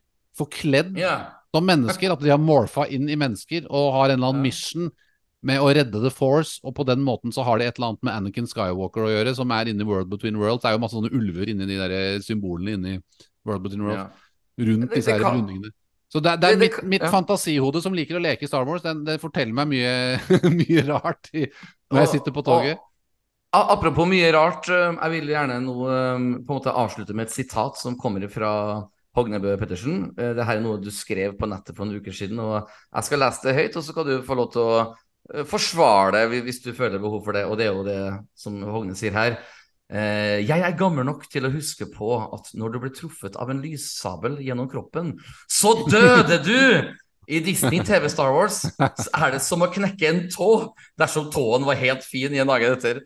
Og eh, før du skal forsvare deg sjøl, så kan jeg jo trygt si at jeg og Knut har også grubla mye av det der. Vi har, vi har kritisert det, ja. Er det en frustrasjon du fortsatt eh, har den dag i dag? Ja, eh, det er det. Eh, det vi, altså, vi har jo sett det flere ganger nå. Ja. Det var vel i en, en eller annen TV-serie, en andre TV-serien også. ja. Det var jo i Obi-Wan og Re Reva ble jo Ja, ja, ja. Hun ble jo truffet to ganger. to ganger. Ja, og, og, og, men, men det verste er jo at jeg så en video som noen har lagd på nettet etter at jeg hadde skrevet det der. Så noen Ja. laget en video på nettet som fortalte hva ville skjedd med kroppen din om du fikk en Ja. lyshabel gjennom magen. Og det Ja. viser det at på grunn av at det her er jo en laserstråle rett og slett, som Ja. er, er, er mange millioner grader varm. Så Ja. væska inni kroppen din ville begynne å fordampe. Og den ville da begynne å fordampe på en måte at den ble, du ble som en trykkoker. Så du ville rett og slett eksplodere. Magen din ville revne og eksplodere, og tarmer og innvoller ville flyge. Så liksom det, det Ja, så, så så ja, Endelig, det var bra. Ja, nei, det så, så det, det er det, det, det, det Ja, det, det, det frustrerer meg. Altså, jeg, kan, jeg er med på at hvis du får kutta i han, ja. Fordi at det, Ja. det, laseren, laseren er så varm at den, ville Ja. ha brent igjen såret og sånt. Så, Ja. såret og sånne ting. Men, men gjennom kroppen altså, Ja. Qui-Gon Jinn ble drept på den måten. Altså, det Ja, var, ja. han, du ser jo det når han får svelget gjennom magen. Han Obi-Wan blir helt fortvilt. Han skjønner jo Nå er han ferdig. Og så Ja, kommer ja. da Disney liksom bare Nei, har ikke noe problem det her. Ja, det, nobody's ever really gone. Ja, det, det, det, er veldig fascinerende. Eh, Som sagt, jeg må jo berømme deg, eh, eh, Hogne, med den herlige kommentaren du skrev på den Facebook-siden Star Wars Norge. For at jeg lo høyt. Og jeg tenkte bare that's it. Jeg må ta kontakt, du må bli vår gjest. Og jeg må jo virkelig si, jeg, tror jeg snakker på vegne av både meg og Knut, at du har vært en perfekt gjest å ha med på en slik type episode som det her. For at nå er jo hypen så stor på nettet. Jeg har gått og lest litt i kveld, og altså, folk er jo helt manisk over hvor bra denne episoden her er. Og, Ja, og det, og det, jeg- skjø, og det jeg skjønner, ikke sant? for det er så mange som er fans av Hedden Christensen, og han gjorde Ja. en kjempeprestasjon. Altså, ikke Enig. ta og, og, og det check, bare, bare det sjekker en enorm boks hos folk, men det at han gjør en kjempeprestasjon, er jo egentlig en slags metapositiv greie. ikke sant? Altså, Ja. han, han gjør det han skal gjøre, på en veldig god måte, men Ja. storyen rundt server ikke egentlig hans prestasjoner nok. Den Ja. gjør det til en viss grad. Altså, Jeg skal ikke sitte og si her at jeg kjeda meg under det, den sekvensen av serien. Jeg synes det var Jeg var engasjert, og jeg var virkelig limt til eh, skjermen, men, men I wanted more! Jeg ville mer hele veien. Så det var sånn. Det var bare litt sånn eh, tørrjokking, på en måte.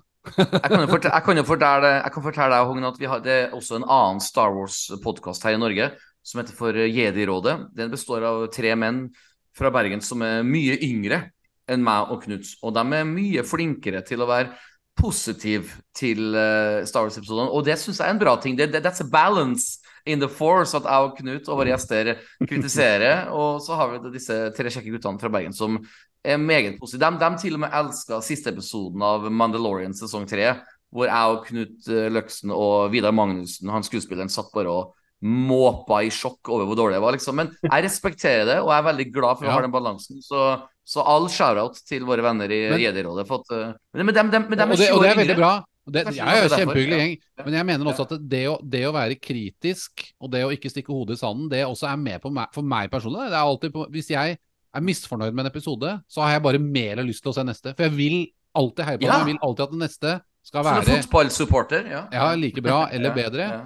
Og det er jo det Ja. som driver meg videre, er jo mine, mitt engasjement og det, den, den Ja. viljen og den, den lysten jeg har til at det, dette produktet skal være så bra som mulig og treffe Ah. meg og alle andre så godt som mulig. Og, Ja. og det å være Hvis jeg bare hadde vært Hvis jeg hadde lyvd for meg sjæl, så er det ingen som vil tro på meg. Altså, så Ja. enkelt er det. Så det, man må være ærlig med seg selv og overfor andre. Så Er du enig, Hågen?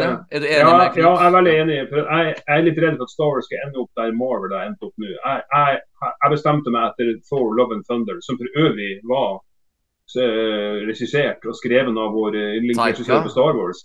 Ja, Eh, ja. det, det, det var noe av det dårligste jeg har sett i mitt liv. Jeg var helt, helt Det var helt forferdelig. Og, Ja. og, og de, de TV-seriene, Marvel-TV-seriene var bare sånn Så jeg tror faktisk jeg ramla av Marvel-lasset. Det trodde jeg aldri jeg skulle si. ja, er også, Ja. ja, ja, og, og det er det jeg er redd for at Star Wars skal komme dit òg. Men det, kommer de opp med noe mer Bobafett og Mandalorian sesong tre, så sorry, da, da har de det, det, det var vondt. Det var, det var vondt, de to som du nettopp nevnte. For meg så var også Obi-Wan eh, ganske sjokk. For å si det. Ja. Det starta ganske bra, men så kollapsa det. Og mye pga.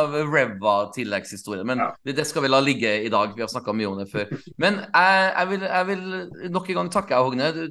Ikke legg deg i kveld og tenk at uh, shit, her, her ble det mye eh, konstruktiv, kritisk og negativ vibbe. Ikke, ikke ikke legg deg i det hele tatt. Nei. Ja, ja, ja. Nei, for at, eh, for det, det, det er jo litt artig. Vi, vi er jo veldig enige om veldig mye. Til og med på hva som var bra, og hva som var ikke så bra. Og Ternekast tre, fire og en sterk firer er sier jo også sitt. Jeg syns det er viktig at man leverer terningkast, for da lander man på en måte uh, Iallfall våre lyttere liker å høre hva vi vil gi av terningkast. Um, Vi har alltid en sånn en klassisk avslutning i denne podkasten hvor vi avslutter med et uh, Star Wars-sitat. Så du skal få lov til å gjøre det du også, Hogne. Vi kan starte med Knut. Og så kan jeg ta, og så du, siden du var gjest, så skal du få lengst eh, betenkningstid. Eh, Knut, har du noe relevant Star Wars-sitat i dag? Jeg skal sitere Huang. Og da skal jeg bare Ja. si no. ja, jeg, jeg, jeg tok en. Jeg, tok en. Um, jeg kan ta en um, som også kan være litt uh, passende til dagens episode. Det er jo så klart uh, You must unlearn what you have learned. Og det passer iallfall for meg i dag, for at jeg, mitt 44 år gamle hode eh, visste ikke helt hvor jeg skulle gjøre av meg eh, klokken ti i morges når jeg så ferdig episoden her. For jeg hadde så lyst til å like alt. Og jeg sitter bare og tenker det her er ikke bra nok. Men eh, det var eh, Kanskje min egen skyld. Vær så god, Hogne. Backdoor, eh? Good idea. That was the Ewok. Sitt,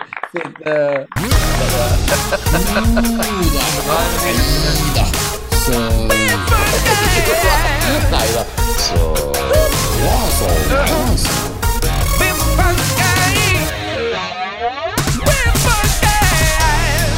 Jo da. Nei da. Så Jo da. Nei da. Så Jo da.